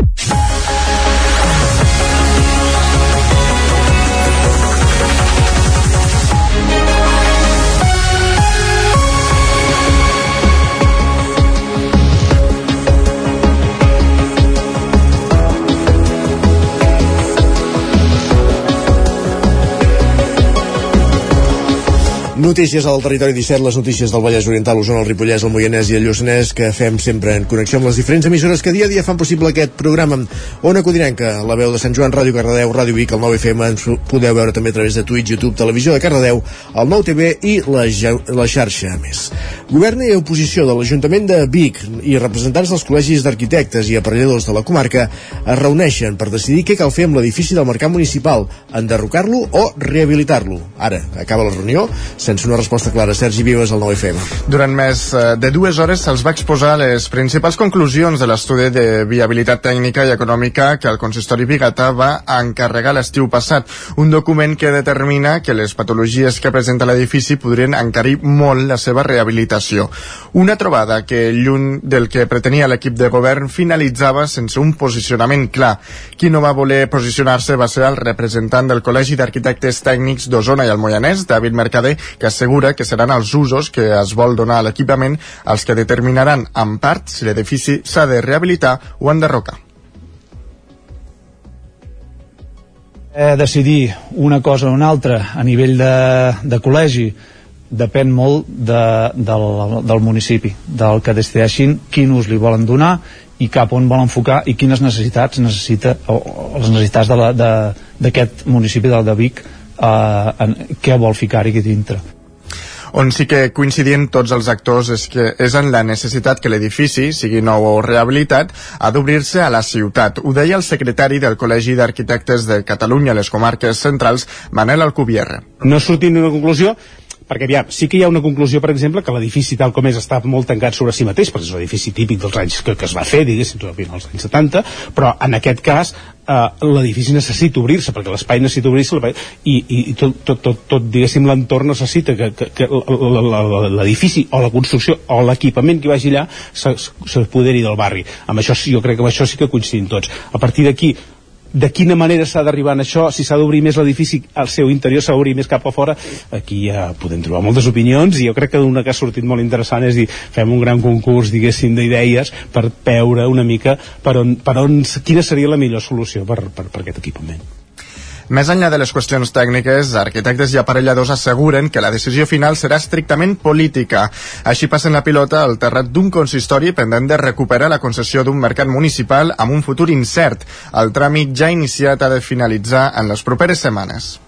Gràcies, Sergi. Més qüestions. Treballadors d'una empresa contractada per l'Agència Catalana de l'Aigua retiren una, la, la vintena de pneumàtics que encara hi havia en un tram del riu Gurri a Vic com a conseqüència de l'abocament il·legal del dia de Sant Esteve. Durant més d'una hora, ahir al matí van anar traient els pneumàtics de l'aigua, en total n'hi havia 26, però van aprofitar també per retirar altres residus acumulats a la reclosa del Cantarell. Els pneumàtics eh, retirats aquest dijous són només els que van arribar a l'aigua i que per tant és competència de la que treure'ls, els que van quedar al marge del riu una vintena més ja els van retirar fa uns dies l'Ajuntament. Els agents rurals estan investigant qui va ser l'autor o autors de l'abocament que es va fer en una zona apartada on s'hi pot accedir en vehicle i a més aprofitant els dies de festa. Aquests tipus d'abocaments s'han convertit en un mal de cap per als alcaldes, encara que es produeixin en solars de propietat privada, són els ajuntaments els que s'han d'acabar fent càrrec per evitar que la presència de residus acabi fent un efecte crida. En els últims cinc anys, segons dades dels agents rurals, aquest, eh, aquests abocaments s'han duplicat. De fet, l'any passat se'n van detectar més d'una seixantena. Gràcies, Sergi. Més qüestions. Troben en una casa abandonada de Sant Celoni, al Vallès Oriental, una persona morta, Enric Rubio, Ràdio Televisió Cardedeu. Així és, Isaac, no en tenim encara molta informació, però tot sembla apuntar que no es tracta d'una mort violenta. El cos està localitzat a l'interior d'una casa abandonada a Sant Celoni, coneguda com a Camp dels Rocs. La finca en qüestió està tocada a la carretera C35 per l'entrada de la porta de Ponent i just al costat de la carpa que s'utilitza per activitats lúdiques. Tal i com avançàvem, ara fa uns moments fons de la policia han informat que, tot i que encara no poden afirmar-ho del cert, els primers indicis fan pensar que no es tractaria d'una mort violenta i per tant la hipòtesi és que seria per causes naturals. Al lloc dels fets s'hi va desplaçar una ambulància del SEM, una patrulla de la policia local de Sant Celoni i tres dotacions dels Mossos d'Esquadra. Gràcies, Enric. Més qüestions. Polèmica al Consell Comarcal del Ripollès pel cas d'un nen de les Llosses que anava a Can de Bànol en transport escolar per tornar a l'escola i que la normativa ho impedeix. Isaac Muntades, des de la veu de Sant Joan. El transport escolar va ser motiu de polèmica en el ple del Consell Comarcal del Ripollès de dimarts. Tot va venir arran d'una errada de l'ENS a l'hora de concedir-li la gratuïtat del servei d'autobús a un nen per anar fins a l'escola Pirineu de Can de Bànol, ja que no és el centre educatiu de referència que li correspon, i a més requereix l'ús de dues línies de transport escolar, un fet que no està previst per llei. El plenari va haver de votar un procediment per a la revisió d'ofici d'un acte administratiu que va tirar endavant amb els vots de l'equip de govern d'Esquerra, PSC i la CUP, l'abstenció de Junts i Més i els vots negatius d'Aliança Catalana i els independents del Ripollès. En el cas concret que es debatia i que es va revisar per corregir-lo, el conseller d'Ensenyament i Formació del PSC, Xavier Capdevila, va explicar que es tracta d'una família de les Llosses que té tres fills. Un d'aquests nens va a l'escola Can de Bànol. Escoltem Capdevila. Tots els alumnes tenen una escola de referència, no? En aquest cas, l'escola de referència que tenen és aquella que, que signa el departament i que sol ser sempre la que està més propera al lloc on habiten, no? Aleshores, quan fas ensenyança obligatòria, tens el transport escolar gratuït per anar i per tornar a la teva pila de referència, no? En aquest cas concret, bueno, el Consell Comarcal es gestiona moltíssimes sol·licituds al cap de l'any i erròniament va haver-hi una petita errada, es va concedir la gratuïtat a un, dels, a un fill fins a l'escola de Candavano, que no és l'escola de referència que li tocava. Aleshores, bé, bueno, aquesta família que demana una mica és eh, poder tenir la, la gratuïtat, no? perquè la, la mare treballa a l'escola hípica de, de, de Gombreny i demana la gratuïtat des de Candavano fins, fins, fins a la hípica, no? De fet, l'any passat els altres dos fills anaven de Ripoll a Can Davano i es va corregir. Capdevila va recordar que hi ha una normativa que s'ha de complir i, per exemple, un noi de les Llosses no podria anar amb bus a fer un extraescolar a Sant Joan després de classe. El conseller va dir que havien exposat el cas al departament, però va desestimar pagar el servei i que ara la pilota està a la taulada del departament. Amb tot, Cap de Vila va dir que no se'ls negava el servei i se'ls s'hi podia oferir pagant. En aquest cas tindria un cost d'uns 30 euros mensuals. Des de Junts, que ja s'havia tret el tema en un ple anterior, Oriol Lázaro va subratllar que es tractava d'un cas concret amb noms i cognoms i que s'hauria d'haver estudiat alguna excepció. Chantal Pérez, d'Esquerra, es va mostrar oberta a parlar-ne de cara al curs vinent, però demanava consens entre els alcaldes per defensar-ho davant d'Educació. L'única solució viable que hi veia per aquest curs és que l'Ajuntament de Can Ànol abonés l'import, un fet que Lázaro no entenia. No sé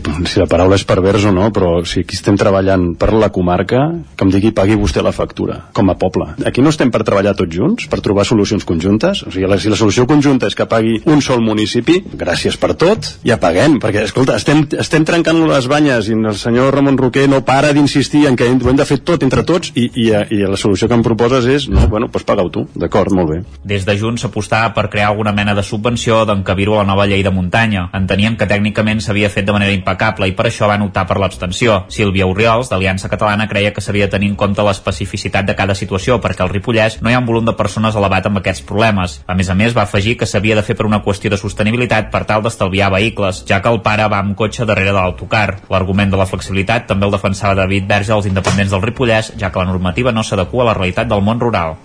Gràcies, Isaac. Més qüestions. El Consell Comarcal del Moianès destina 50.000 euros en subvencions al 2023 repartides en 54 entitats locals. Roger Rams, zona codinenca. Sí, aquesta iniciativa busca fomentar projectes diversos que contribueixin al creixement social i cultural dels diferents pobles que integren aquesta comarca. En total s'han finançat 57 projectes duts a terme l'any passat per associacions amb seu al Moianès. Els beneficiaris d'aquesta ajuda han dut a terme una àmplia gamma d'iniciatives des de programes educatius fins a projectes culturals i de caire esportiu. El Consell Comarcal ha distribuït els 50.000 euros de manera equitativa per tal que totes les entitats puguin rebre part d'aquest finançament. La majoria d'associacions que han demanat aquest ajut són de caire esportiu, amb 10 projectes subvencionats, seguides de les educatives, on hi trobem 8 projectes que han estat finançats. La partida de les subvencions amb major finançament ronda els 1.300 euros, com el cas del casal d'estiu educatiu de l'entitat Gatzara, de Mollà, i que també s'ofereix a 8 pobles de la comarca o el programa de suport a les famílies de l'associació TEA del Moianès, que organitza diverses activitats al llarg de l'any que impliquen els infants amb trastorn de l'aspecte autista i també a les seves famílies. Gràcies, Roger. I a la plana esportiva, Nani Roma s'ha reenganxat per segona vegada al Dakar, que acaba avui, de fet ha acabat ja, victòria per Carlos Sainz, quart Dakar consecutiu.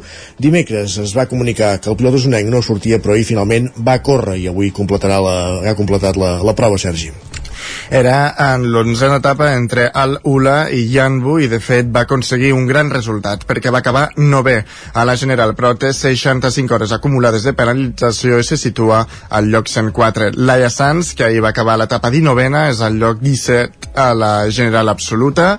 Gerard Ferrés també va aconseguir un gran resultat acabant segon en la categoria SSB a només dos segons del guanyador. Una jornada positiva pel manlleuenc que aquí recordem un accident va apartar de la lluita per a la victòria final. Ara és vuitè. Marc Solà amb Ricardo Ramilo ahir van acabar dotzens i són desens a la general. Pedro Peñate i l'osonenca Rosa Romero van ser 18ens en l'etapa de la categoria Challenger i a la classificació general van ser en dotzena posició. I ara hem conegut que Carlos Sainz s'ha proclamat campió del Dakar 2024. Doncs el Dakar ja ha acabat i nosaltres el que també acabem és aquest repàs informatiu que començàvem al punt de les 10 en companyia de Sergi Vives, Isaac Muntades, Roger Rams i Enric Rubio. Moment de saludar de nou en Pep Acosta.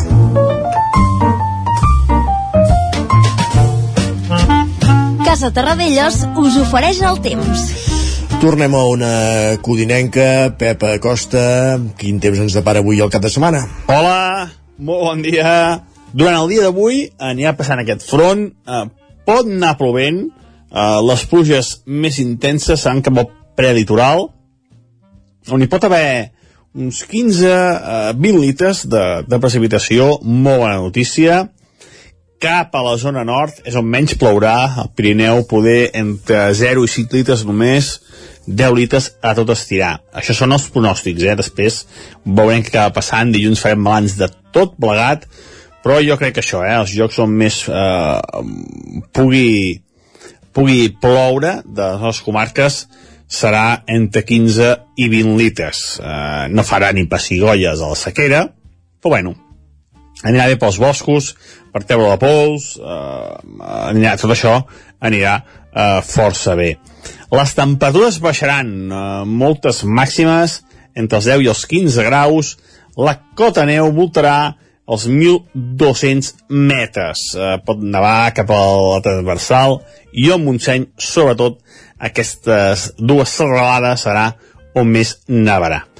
Però l'alegria a casa del pobre eh, dura molt poc, com és tradició, i al cap de setmana el temps no tindrà eh, res a veure amb el d'avui. Aquest front marxarà ràpidament a partir de la tarda i, eh, i eh, demà ja sortirà el sol, serà un dia molt assolellat, gairebé ni un núvol, per tant, eh, canviarà el temps eh, ràpidament, marxarà eh, aquest front i el sol brillarà. Això sí, les temperatures baixaran, són les mínimes, les mínimes de dissabte, a dir, eh, de divendres a dissabte, perdó, seran bastant fredes, les temperatures al migdia pujaran, ja que farà força més sol, i diumenge serà un dia més núvols, tindrem una mica més de núvols, però sense cap precipitació. I les temperatures molt semblants a les de dissabte. Uh, glaçades cap a l'interior i les màximes entre els 10 i els 15 graus. Temperatures tant dissabte com diumenge normalitzades per l'època de l'any, però cap onada de fred, ni molt menys, però tampoc direm les temperatures d'escàndol que hem tingut aquests dies de la setmana dels barbuts. Això és tot, que tingueu un gran cap de setmana, dilluns farem balanç d'aquest front d'avui. Adeu! Gràcies, gràcies Pep, i amb si aquest front arriba a les teves expectatives. Va, bon cap de setmana. Casa Tarradellas us ha ofert aquest espai. I és moment al Territori 17, com cada divendres a aquesta hora, d'entrar a la plana esportiva.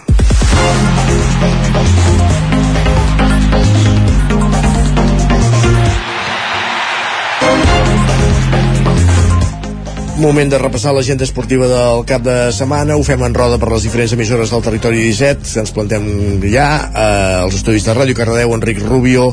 Bon dia de nou, què ens depara el cap de setmana? Bon dia, Isaac, què tal? Mira, doncs aquest cop vinc sense pressió perquè ho vam fer també l'última vegada, que com sé que no serà tan bo i que serà pitjor, doncs que sigui el que Déu vulgui.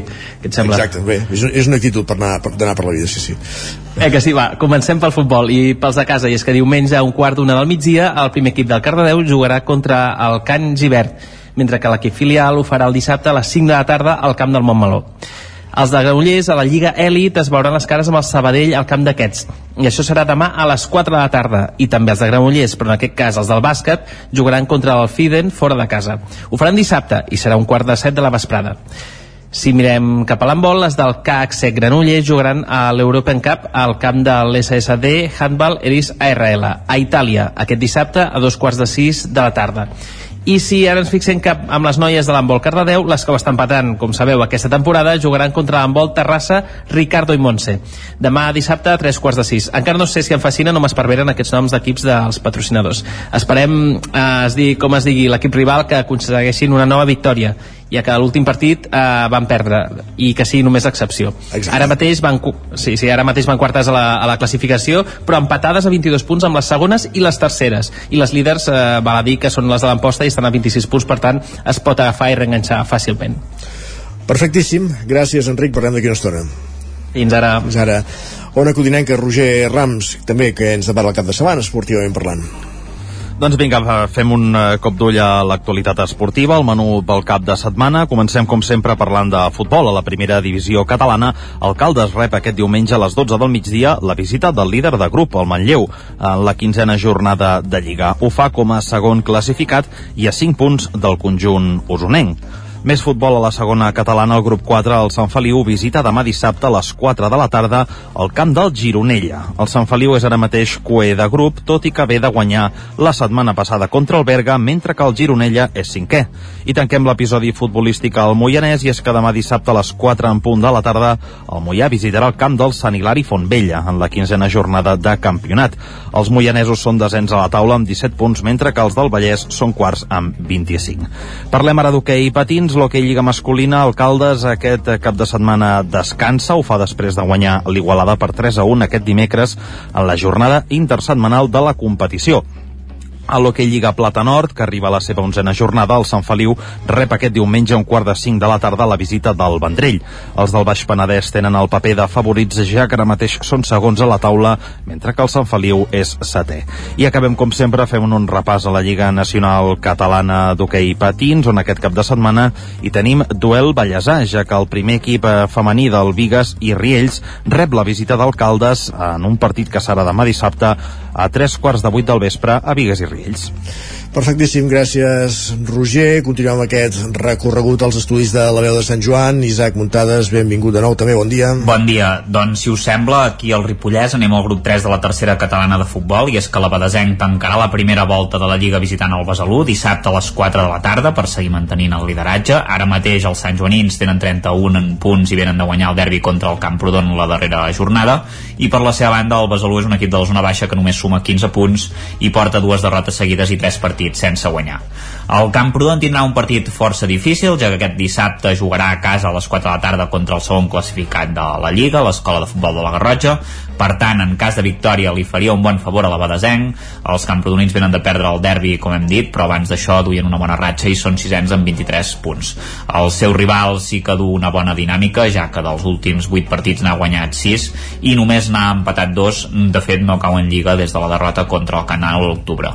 I precisament el Canal jugarà en un horari poc habitual, dissabte a dos quarts de 6 de la tarda a casa contra el Sant Privat d'en. Serà un duel important per seguir a dalt, perquè els cananolencs són novens amb 20 punts i acumulen acumulen dues derrotes consecutives. El seu rival és quart amb 27 i precisament ha guanyat els dos últims partits. I a la Lliga Catalana d'Hockey Patins, eh, l'Hockey Club Ripoll jugarà contra el Manlleu B a la pista dels usonencs en un derbi del territori 17. Els ripollesos són setens amb 23 punts i se situen a la zona tranquil·la de la classificació després d'haver acabat la primera volta amb bona nota i força lluny del descens. El seu rival, en canvi, és 11 amb 17 punts, per tant seria una bona oportunitat per allunyar un rival directe per la permanència. I a la Lliga de Primera Nacional de Futbol Sala, aquesta setmana l'Escola de Futbol Sala Ripoll Servicat visita la pista de l'ABB Montserrat diumenge a 3 quarts de 6 de la tarda. Els ripolleros són setens amb 12 punts però tenen dos partits menys, mentre que el seu rival és sisè amb 15 i també amb un partit menys. Per tant, es tracta d'un rival directe a qui ha de guanyar si volen seguir aspirant a la zona alta de la classificació. I per acabar, un apunt de motor, perquè dir-vos que el Motoclub Abadeses dilluns va obrir les inscripcions per la 52a edició dels 3 dies trial de Santigosa 2024 amb 100 places d'accés directe i hem de dir que es van exaurir en menys de 5 minuts. Ara el sorteig de la resta de places es farà el dia 26 d'aquest mateix mes de gener i la llista d'inscrits es donarà a conèixer el 9 de febrer, tot i que la publicació de la llista de dorsals definitius, després de moltes comprovacions i de que els pilots hagin d'acreditar doncs, una sèrie de, de papers, no es farà fins al el dia 13 de març. Hem de dir que ja hi ha 120 pilots més que s'han inscrit a, al sorteig. I fins aquí doncs, el que seria el repàs de, de les activitats d'aquest cap de setmana al Ripollès en matèria esportiva. Gràcies, Isaac. Continuem aquest repàs esportiu ara als estudis del 9FM eh, per repassar eh, el que ens depara esportivament el cap de setmana a la comarca d'Osona. Guillem Sánchez. Què tal, Isaac? Bon, bon dia. dia. Doncs mira, primer de tot ens hem de fixar en el món de l'hoquei patins, en el partit de tornada que juga el Club Patí Voltregà Movento Stern contra el Noisy Legrand francès, partit de tornada dels setzents de final de la World Skate Europe Cup, aquesta competició europea. Els de Lluís Teixidor jugaran aquest dissabte a dos quarts de nou del vespre a França contra el Noisy Legrand després de guanyar el partit d'anada per 11-2, per tant a ningú eh, li passa pel cap pensar que el Voltregà pugui quedar eliminat i que per per tant pugui accedir a una ronda més després de jugar el partit del cap de setmana. Per això recordem que els voltreganesos van disputar partit de Lliga entre setmana a la pista del, del Barça. Qui sí, no, no, no cal recordar el no resultat. cal recordar el resultat. Qui sí que té partit entre ai, el, el cap de setmana de l'Hockey Lliga són els dos equips femenins de la comarca d'Osona, en aquest cas el mateix dia i a la mateixa hora, demà dissabte a la una del migdia, i és que es tracta de l'última jornada de la primera volta i per això hi ha aquesta jornada jornada unificada, tots els eh, equips juguen aquest dissabte a la una del migdia. El Martinelli a Manlleu ho farà contra un rival potent com és el Telecable, que sempre ha posat les coses molt complicades en els darrers enfrontaments contra les manlleuenques, mentre que el Voltregà Momento Stern jugarà contra les Rozas, que ara mateix és l'avantpenúltim classificat de l'Hockey Lliga Femenina. Recordem que el Manlleu ja està classificat per la Copa de la Reina, el Voltregà també ho té a tocar, per tant, en aquesta última jornada de la primera volta de la Lliga. Baixem una categoria, en aquest cas tornant a la competició masculina, perquè al grup nord de l'Hockey Lliga Plata també tenim doble enfrontament aquest cap de setmana i és que el Martinelli a Manlleu juga demà dissabte a partir de dos quarts de cinc de la tarda a casa contra el filial de l'Olot mentre que el Pativic vol continuar a la part alta de la classificació i per fer-ho buscarà una victòria a partir d'un quart de cinc de la tarda de diumenge a la pista del Cerdanyola. Mentrestant, el grup sud de l'Hockey Lliga Plata, el Club Patí Taradell també té un desplaçament important a la pista de l'Espanyol. El partit començarà el diumenge també a partir d'un quart de cinc de la tarda. En l'àmbit futbolístic hem de destacar el cap de setmana el grup 5 de la tercera federació que el Tona rep el Vilassar de, de Mar diumenge a partir de 3 quarts de 12 del migdia un rival directe a la classificació. De fet, els tonencs han de guanyar per mantenir aquesta tercera posició que ara mateix ocupen per darrere d'Olot i Hospitalet i per sobre d'equips com la Muntanyesa. Com dèiem, una victòria del Tona eh, consolidaria l'equip d'Arcard Ferrés en aquesta tercera posició que ocupen ara mateix.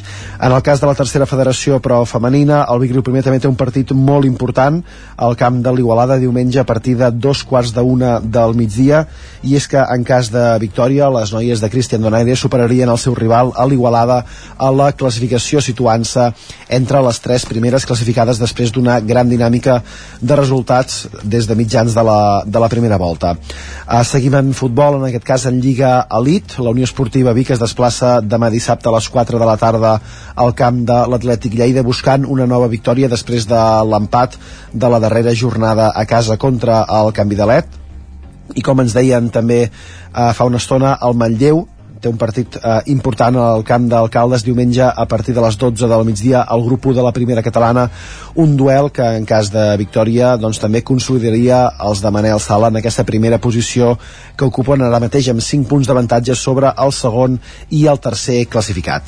Anem a repassar també altres partits del cap de setmana previstos per als equips de la comarca d'Osona i és que la superdivisió femenina el Girbau Vic Tenis Taula juga avui a les 8 del vespre contra el Son Cladera partit, com dèiem, de la Superdivisió. El darrer cap de setmana van disputar també dos partits, no van ser capaces de guanyar-ne cap, per tant, tota la sort del món per aquest cap de setmana per poder guanyar contra el Son Cladera avui a partir de les 8 del vespre.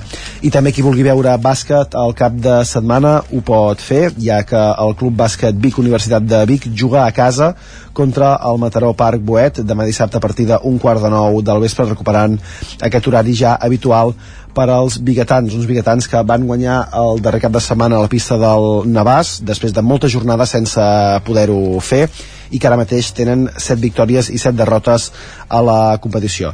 I un parell d'apunts també, Isaac, ja que en futbol hem de destacar que també tenim dos derbis aquest cap de setmana, per exemple, el grup 4 de la segona catalana masculina, el Vic Riu Primer i el Voltregà s'enfronten demà dissabte a Santa Eulàlia de Riu Primer a partir de 3 quarts de 4 de la tarda i també tindrem derbi, el grup 1 de la primera divisió femenina de futbol entre els equips femenins del Big Riu primer B i el Torelló eh, demà dissabte a partir de dos quarts de sis de la tarda. Per tant, jornada farcida per qui vulgui veure futbol, bàsquet, tocar patins o altres esports aquí a, a casa nostra. I qui no en tingui prou també hi haurà passant de tonis i Per exemple. diumenge al matí a Manlleu. S'ha de vigilar, eh? depèn de, de quin lloc es vulgui anar, de no quedar fotut per als, per als, per als tonis, eh? Res a veure amb un rally, no pateixis. Uh, molt bé, Guillem, moltíssimes gràcies. Ens escoltem dilluns. Fins dilluns, bon Que cap de setmana.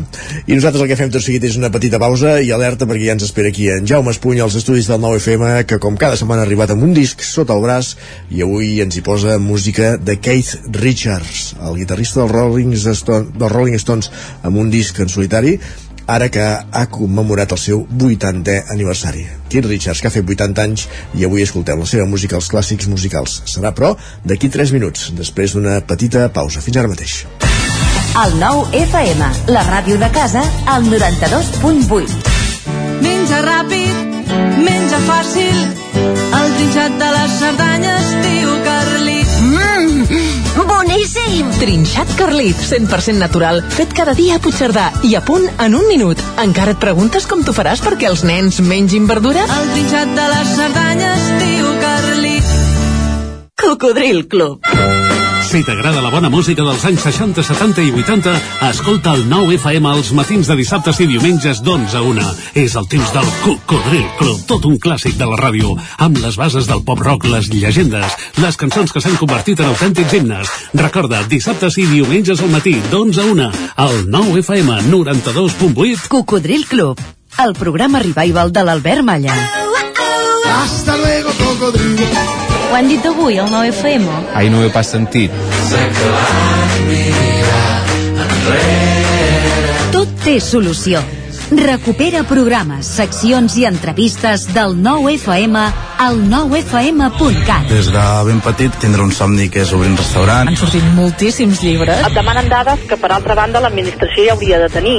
I ja no com a ramadera, sinó com a ciutadans. Nosaltres intentem que tothom pugui marxar amb un croissant. I trobaràs també tots els nostres podcasts. L'infopodcast del 9-9, cada matí a partir de dos quarts de vuit. I comencem parlant d'un tema punyent. Persones que passen per moments de gran dolor. L'infopodcast del 9-9. La lupa d'Agustí Danés cada divendres. La lupa, Agustí Danés. Els aniversaris. Cada vegada vivim més anys i cada vegada hi ha menys naixements. La combinació d'aquestes dues evidències distorsiona la piràmide d'edat. Paraula d'enfruns, el nostre podcast de llengua cada dimecres. Quan escoltem ho fem voluntàriament i en canvi sentir, podem sentir moltes coses encara que nosaltres no ho vulguem. Bruixes del dia, el podcast de dones i bruixes de Laura Centelles i Maria Saladic. Estàs escoltant Bruixes del dia. La meva relació amb la mort és totalment diferent, perquè jo morts, diguéssim, físiques d'un cos, n'he vist, crec que una a la meva vida. Feeling de 5, l'actualitat de casa nostra en anglès. Hello and welcome to Filling the Sink, a podcast from Catalan News. My name is Lucía. I també tots els relats finalistes del concurs de narrativa curta del 9-9. He despertat enmig de la foscor. Tinc la boca seca i els ulls El 9fm.cat, la ràdio en línia i els podcasts del 9FM. El 9FM, el 9FM, el 9FM. En punt, dos quarts d'onze, al territori 17.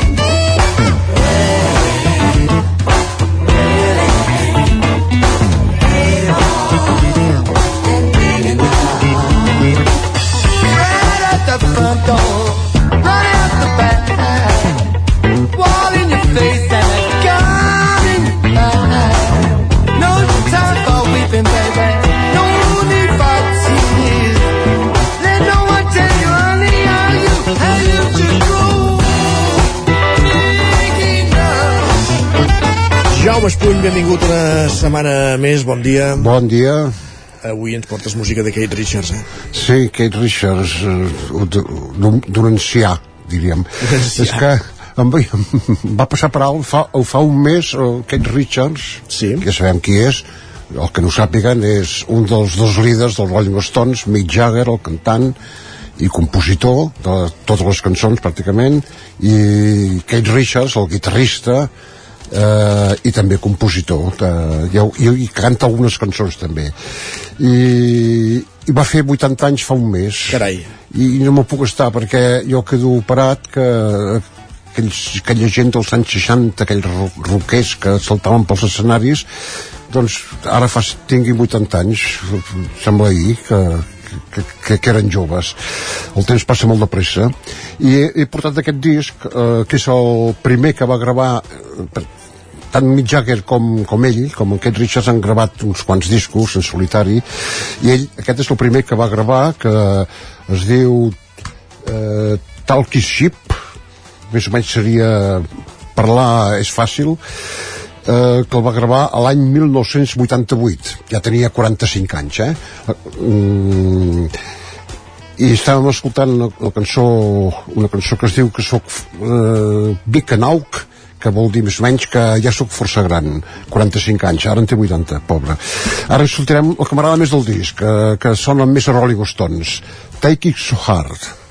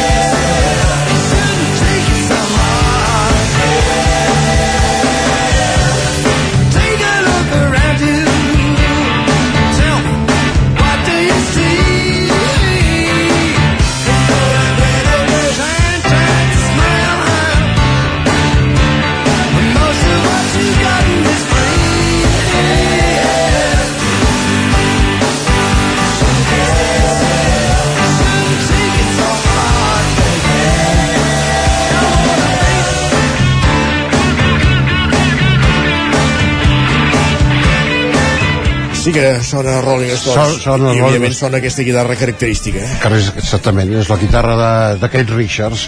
Eh, és que de fet el disc sona força com els Rolling Stones excepte la veu perquè en comptes dels d'aquella veu cridanera de, de Mick Jagger doncs eh, és una veu més tranquil·la eh, no arriba tant eh, d'en Kate Richards. I, i a més a més al disc hi ha un grapat de, de músics molt bons que no, no són famosos, són d'aquests d'estudi però que toquen amb els grans sempre. I m'agrada molt no sé si t'has fixat, el bateria Steve Jordan, que aquest eh, el tinc en molts discos que allà. El tens en molt d'alta consideració sí, pe, pe, eh, pega fort aquí els tambors. Eh, aquest disc el, el, el Cat Richard el va gravar una mica com a venjança perquè estàvem, estàvem molt barallats amb el Mick Jagger Mhm. perquè el Mick Jagger any, dos anys abans va gravar un disc, el primer disc en solitari sí. i es va despreocupar força dels Rolling Stones Carai. no, no volia sortir de gira i volia promocionar el seu disc diu, ah, doncs ara en gravaré un jo i jo, jo penso que el va superar eh, aquest disc ara escoltarem sí, Richard va superar Jagger no? Sí, Jagger, ai, el Richard va superar en Jagger. Uh, ara escoltarem Make No, no Mistake, que sentirem a més a més al mig de la cançó, uh, quan portem uns un minut por ahí, la veu de Sarah Dash, una cantant anglesa.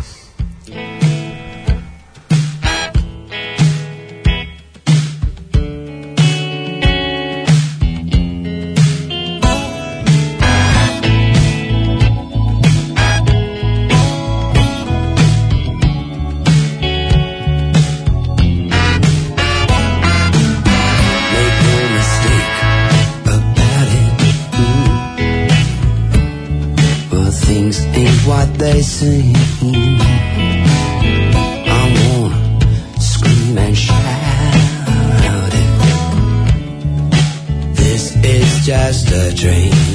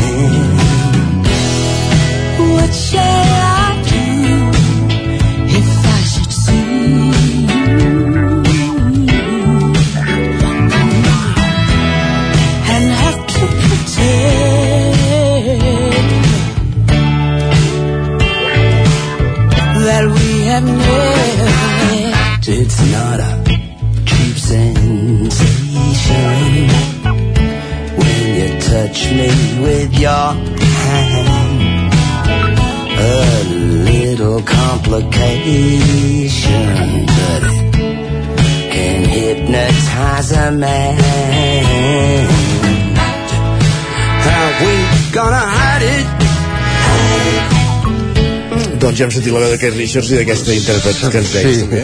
mm, llàstima que no fitxés la Marian Faithful, una cantant que va m'agrada força, que van ser noviets ah. eh, als anys 70, 60, 70. Eh, tornant a l'edat, eh, molts aficionats mm, considera un miracle que aquest Richards arribi als 80 anys perquè era famós per per, Per tot. per abusar de les però sobretot abusar molt de les drogues a veure eh, eh, durant una temporada era un yonqui eh? doncs eh, tenien problemes forts amb les drogues però a mi em sembla que una cosa és un yonqui milio- milionari com ell i una altra cosa és un yonqui pobre d'aquests que dormen en, en un portal eh, a l'hora de, de poder-se sortir, no? De poder-se sortir. Pots pagar grans metges i alguna transfusió de sang i coses d'aquestes. Eh, ara tornem una mica al ritme amb How I Wish. Doncs una cançó més d'aquest Talkie Ship de Keith Richards.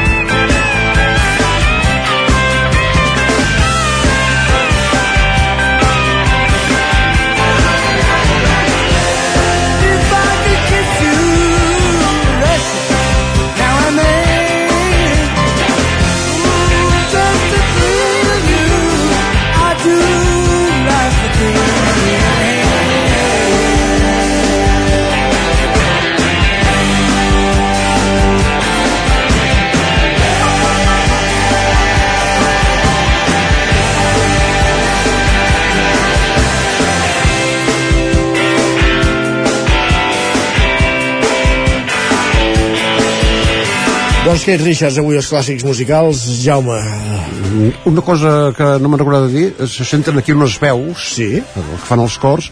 Un és el Steve Jordan, el bateria, sí. i l'altre és la, una noia, Patty Isialfa, la dona de Bruce Springsteen. Carai. Que la van fitxar també. que és endogàmic, això de la música. Sí. Doncs ja està. Molt bé, doncs moltíssimes gràcies, Jaume, una setmana més. Ens retrobem divendres vinent. Bon cap de setmana, bona setmana. I, I que plogui, que plogui una mica més, sí. Que plogui molt, sí, sí. I anem escoltant música mentrestant, perquè, mira, és maco, que veure ploure a Sí. l'altre fora de la finestra i estar assegut al sofà tranquil·lament gaudint de la, de la música. Va, bon dia. Fins, fins divendres. Això. Doncs amb Keith Richards acabem aquests clàssics musicals d'avui i el que fem tot seguit al Territori 17, a la recta final del programa, com cada divendres, és endinsar-nos a l'agenda del cap de setmana. Territori 17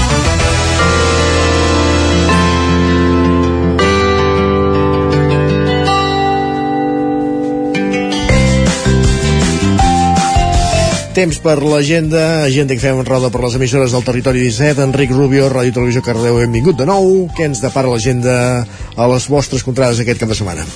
Molt bones, Isaac. Gairebé vaig xampes, eh? Estava despistat. Va, anem a veure. Començarem per la de Cardedeu i després farem un petit repàs a les festes majors del Baix Montseny, que n'hi ha unes quantes. Avui divendres a les 5, trobada a la plaça dels Contes, a una plaça típica on s'ajunten diferents famílies i narren doncs, històries. A les 7, l'espai Carles Acmor de l'estació allà, on vam fer una connexió fa un parell de mesos. Us convida a la presentació de la carpeta d'obra gràfica de l'artista Jaume Sala, Trepitjant Canigó linografies a partir del poema Canigó de Jacint Verdaguer. A les 8 al cinema Esbarjo i durant tot el cap de setmana a la Isla de les Mujeres i a dos quarts de nou al Tarambana concert de Hailey Ridon Indie. Demà dissabte, alerta, perquè tenim un d'aquells punts que no ens podem perdre. A les 8 al Teatre Auditori a Cardedeu, segon tastautor de la temporada. I tornen forts, perquè tindrem Giròbac, el projecte solitari en solitari de Borja Penalba. I ja per acabar, diumenge a les 5 de la tarda, cinema infantil a l'Esbarjo, Antoni Xeli i la Llanterna Màgica. I per concloure el dia de la millor manera, ho podrem fer d'una manera espectacular al Tarambana, i és que a les 8, al Tarambana, precisament aquest bar eh, centre cultural, tenim el cicle indeterminat d'improvisació lliure de música i dansa. I bé, com us dèiem, ara no vull acabar sense fer un repàs a les festes majors de la zona i és que sembla que sigui la Mare de Déu d'agost. I és que tenim Festa Major a Sant Antoni de Vilamajor, Festa Major de Sant Proget a Santa Maria Palau Tordera, Festa Major d'hivern a Gualba i també Festa Major d'hivern a Vilalba Sasserra, així que ja ho veus, podem fer repertori com si fóssim a l'estiu itinerància poble en poble. Perfectíssim, gràcies Enric. Que festes Bon majors d'hivern que no parin. Bon cap de setmana. Roger Rams, zona codinenca. Què ens depara també el cap de setmana per aquestes altres contrades del Vallès Oriental i el Moianès? Bé, doncs també en molts casos festes majors d'hivern que repassarem eh, tot seguit. Abans, però, anem eh, pam a pam, diguéssim, a les activitats dels nostres municipis. Comencem, com sempre, fem a Sant Feliu de Codines, on avui divendres, a partir de les 8, al local del Centre Excursionista s'hi presenta el llibre Excursions a les Torres de Telegrafia de Catalunya, amb el seu au- autor Joan Manel Vives. Un llibre, si més no, doncs, eh, curiós. Demà dissabte, d'una banda, hi tindrà lloc el concurs de dibuix infantil de Sant Antoni Abat a les 7 de la tarda al Centre Cívic La Fonteta, mentre que al vespre la secció de patinatge artístic protagonitzarà el Festival de Patinatge amb una exhibició de patinadors i patinadores del club. Si marxem cap a Caldes de Montbui, ho hem vingut repetint aquí al territori 17, durant tot el cap de setmana el protagonisme a l'agenda és clarament per la festa de Sant Antoni Abat, ja que tant dissabte com diumenge s'hi faran més d'una desena d'activitats, entre les quals hi destaca la passada dels Tres Toms o el Ball de Plaça. A Vigues i Riells del Fai el plat fort es viurà aquest dissabte, aquí sí amb la celebració de Sant Sebastià, la festa d'hivern. Per aquesta ocasió s'hi han previst diverses activitats, com ara una caminada fins a l'església de Sant Pere i Sant Pau o un esmorzar. A la tarda s'hi podrà veure una obra de teatre a dos quarts de sis al Teatre Auditori Polivalent amb la improvisació com a protagonista. Finalment, a les 7 de la tarda es tancaran els actes de la festa amb una xocolatada i la inauguració de l'exposició dels 40 anys de la Coral Lamaran. I acabem, com sempre, a la comarca del Moianès, on aquí sí el clar protagonisme és per les festes d'hivern que se celebren a diversos municipis de la comarca. En destaquem quatre. A la capital del Moianès les activitats comencen aquest dissabte amb un acte amb els portabanderes de Sant Antoni que culminarà diumenge vinent amb els Tres Toms. A Castellterçol, en canvi, l'activitat es concentra aquest dissabte amb un esmorzar popular, una missa solemne i un espectacle de circ. I d'altra banda, a Calders la festa serà diumenge i dilluns, dia festiu al municipi, amb la celebració de la Diada de Sant Vicenç, que comptarà amb una escudella popular, concerts i també diverses activitats per tots els públics. Perfectíssim, gràcies Roger. Continuem aquest recorregut per les emissores del territori 17 per repassar l'agenda del cap de setmana i ara toca anar cap a la veu de Sant Joan per saber què passa, què hi passarà al Ripollès i Isaac Montades, benvingut de nou. Bon dia, Isaac. Doncs mira, aquest dissabte comencem uh, parlant-vos de Ripoll perquè es farà la presentació oficial de la nova ubicació dels gegants originals al Museu Etnogràfic a càrrec de l'Associació de Gegants de Ripoll. Serà a les 12 del migdia.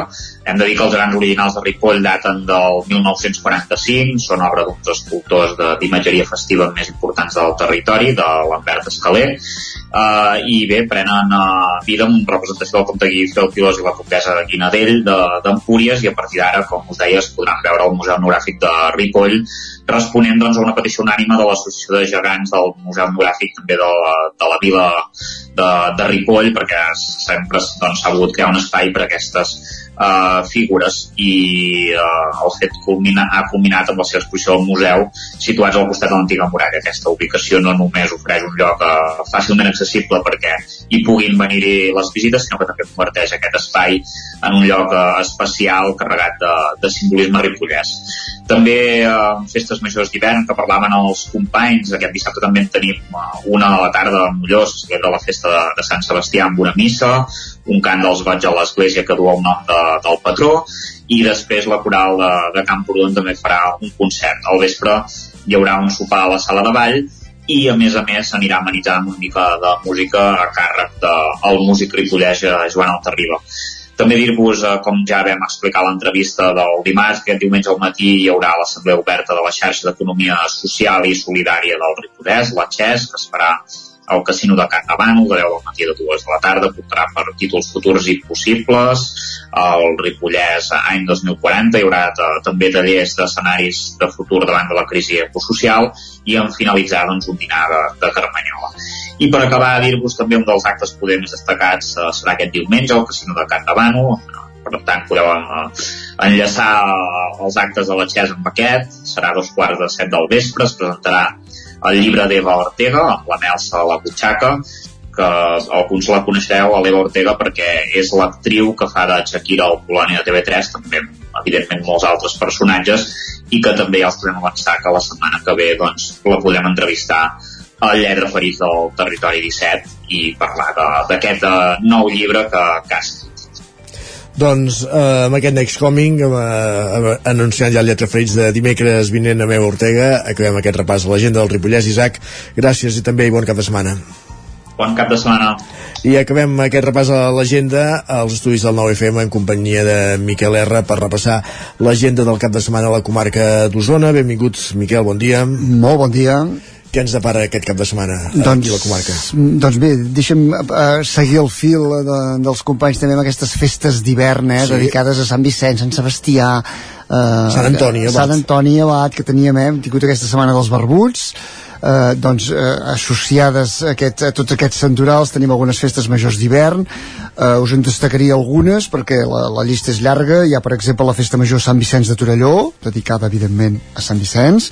Eh, què tenim? doncs algunes novetats aquest any. Per exemple una, una tarda de jocs de taula dissabte al pavelló a càrrec d'una nova entitat les Helheim Osona. Per tant una manera de descobrir una nova entitat que té el poble. Tot seguit hi haurà un castell de focs que tampoc es feia habitualment. Uh -huh. un sopar de Carmanyola que ara es porta molt això eh? allò sopem tots però cadascú que se'l porti de casa i un bingo musical al vespre i eh, de cara a diumenge destacar, l'any passat es van inventar un nou format de cercavila gegantera de trobada gegantera, que en diuen la bicentada, sí. que es tracta que en el moment que, que, eh, que el carrer passa pel, pel centre del poble baixen diguéssim el, els gegants el, el, el porten a coll i bé eh? una cosa així, una, una fricada tota divertida que a partir d'ara doncs, eh, és Made in eh, Sant Vicenç de Torelló.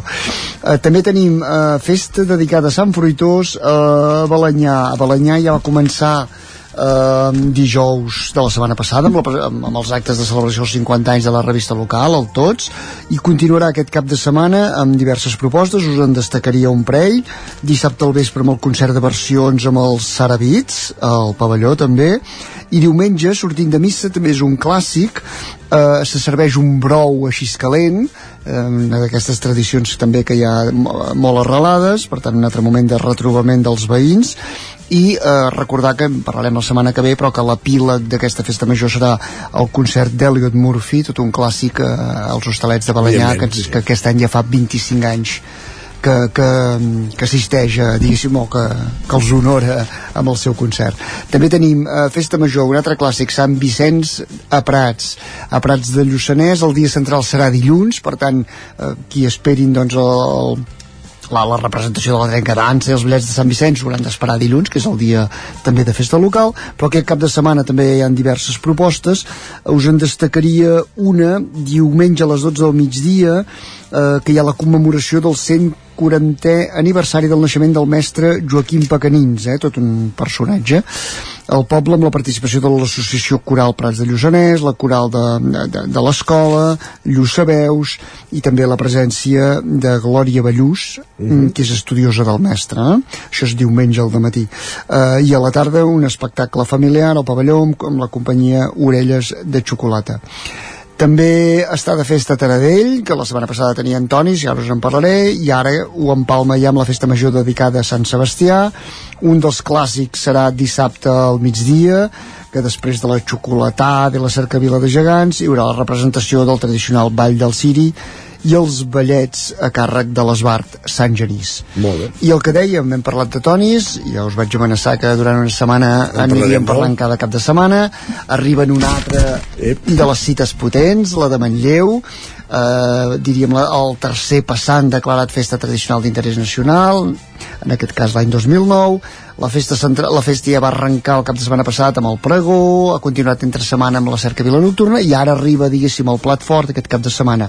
Primer dissabte, amb l'anomenada Fireta de Sant Antoni, una experiència que van començar l'any passat de, de fer activitats a la plaça Fra Bernadí dissabte al matí, és una manera també d'intentar anar enganxant les noves generacions amb la festa, explicar-los i fer pedagogia, i l'any demà sí, el, dia central arrencarà de bon matí, eh, a la sortida de missa, benedicció de cavalleries i inici del passant i eh, com, a, com, a para, com a pila que a les 12 hi haurà ballada de sardanes i a la 1 el tradicional representació també del Ball del Ciri durant més de 100 anys associat també a la festa i a la mateixa plaça Fra Bernadí.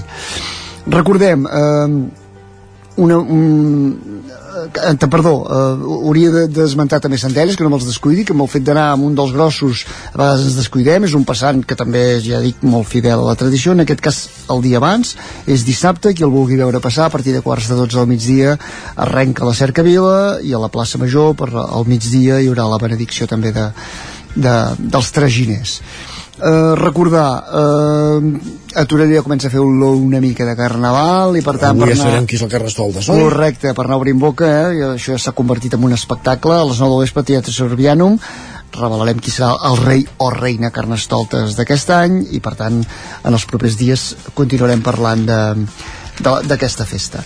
Molt bé. Això per que fa l'activitat festiva, eh, lúdica i de cultura popular, però si ens anem a, a la cultura cultura, eh, pel que fa espectacles, sí. tindríem un cap de setmana molt més tranquil, però us faria tres propostes així de, de, de música d'arrel clàssica, una, l'òpera Carmen, un clàssic de Bizet, eh, de les més representades de tot el món, que es podrà veure diumenge a les 6 de la tarda al Teatre Sirvianum, eh, a càrrec de la companyia madrilenya Camerata Lírica. Per tant, els amants de l'òpera, cita a Torelló diumenge a la tarda. L'Atlàntida comença un, de, un cicle també molt potent dedicat a, a Frederic Montpou, en què s'intentarà repassar tota la seva, tota la seva obra per, per piano i arrenca aquest divendres i dissabte amb els pianistes Josep Colom sí. i Adolf Pla, divendres i dissabte respectivament, per tant molt potent i finalment més clàssica a Manlleu, dissabte la, la sinfonia de Mozart la- que la- l'anomenada Júpiter eh? tot un, un dels seus de les més conegudes també del seu repertori es- eh, estarà interpretada per la camerata Penedès eh, dissabte a les 7 de la tarda al Teatre Municipal de Manlleu i fins aquí un Doncs Déu-n'hi-do. setmana que déu nhi de propostes i farcit culturals de tot tipus d'activitats eh, encara és cap de setmana a l'entorn dels tres toms de festes majors d'hivern n'hem parlat molt però ja comença això, en sumar-se al Carnaval. Avui presentació al Carnaval de Torelló la setmana que ve ja comença el cau de bruixes de Centelles i a partir d'aquí hi ha tota la corrua carnavalesca a la comarca d'Osona eh? Correcte, aquest any ja dic més avançada, la tindrem molt concentrada al mes de febrer, arrenca molt els temes del calendari, s'escau com s'escau, aquest any la tindrem, eh, ens arriba molt aviat, recordem que alguns anys pràcticament ens empalmàvem Sant Jordi, eh, la, els últims carnavals, aquest any no ho tindrem molt això voldrà dir també que Setmana Santa arriba abans també eh? Això vol dir, correcte, el qui, el qui ja necessiti fer una aturada, eh, tenim Setmana Santa més, més, més aviat. Perfectíssim, Miquel. De moment, ja dic que aquí ens està, estan caient gotes des de la finestra dels estudis del, del nou TV, ho estem Sí. veient, però pel cap de setmana que ningú no pateixi, que podrem gaudir, per mala sort potser, perquè haurà quedat en poca pluja, però podem gaudir d'uns dies freds, però amb el cel ben clar. Diuen els meteoròlegs que la precipitació, la pluja o la neu cessa aquesta nit. Això sí, baixen les temperatures cara al cap de setmana, eh? per tant, si heu d'anar passants de, de tonis de tres toms durant el cap de setmana, abrigueu-vos fort. De fet, és un clàssic, eh? Jo recordo que m'ha el tocat obrir-lo sovint i el de Manlleu especialment és d'aquests que és, no sé què passa, però generalment sempre és molt, molt fred. Per tant, res, jo, ben jo en recordo abrigats. algun any a Major precisament fred i humit. Sí, tant, té aquesta doble sí, sí. característica. Per això els deu anar també, eh? Recordem que una de les característiques dels tonis de Manlleu és que van tots amb el seu clàssic barret. Correcte. Vull dir que els hi deu fer una bona, un bon servei. Sobretot pels que ja de cabell no en tenim gaire. Exacte. Gràcies, Miquel. Sí, Molt bé, bon cap de setmana, abrigueu-vos. Igualment. I nosaltres que anem per acabar ja el territori 17 d'avui divendres, eh, 19 de gener de 2024. Hem arrencat a les 9 i us hem fet companyia durant dues hores, hem tingut tertúlia, hem tingut agendes, hem tingut música i hem tingut notícies, com no eh, podia ser d'altra manera. El territori 17 hi torna dilluns, fins aleshores.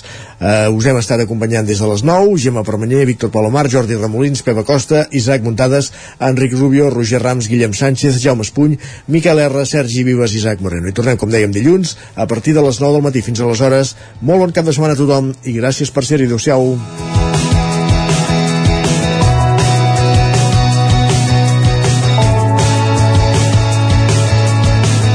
Territori 17, un magazín del nou FM, Ona Codinenca, Ràdio Cardedeu, Ràdio Vic i La Veu de Sant Joan, amb el suport de la xarxa.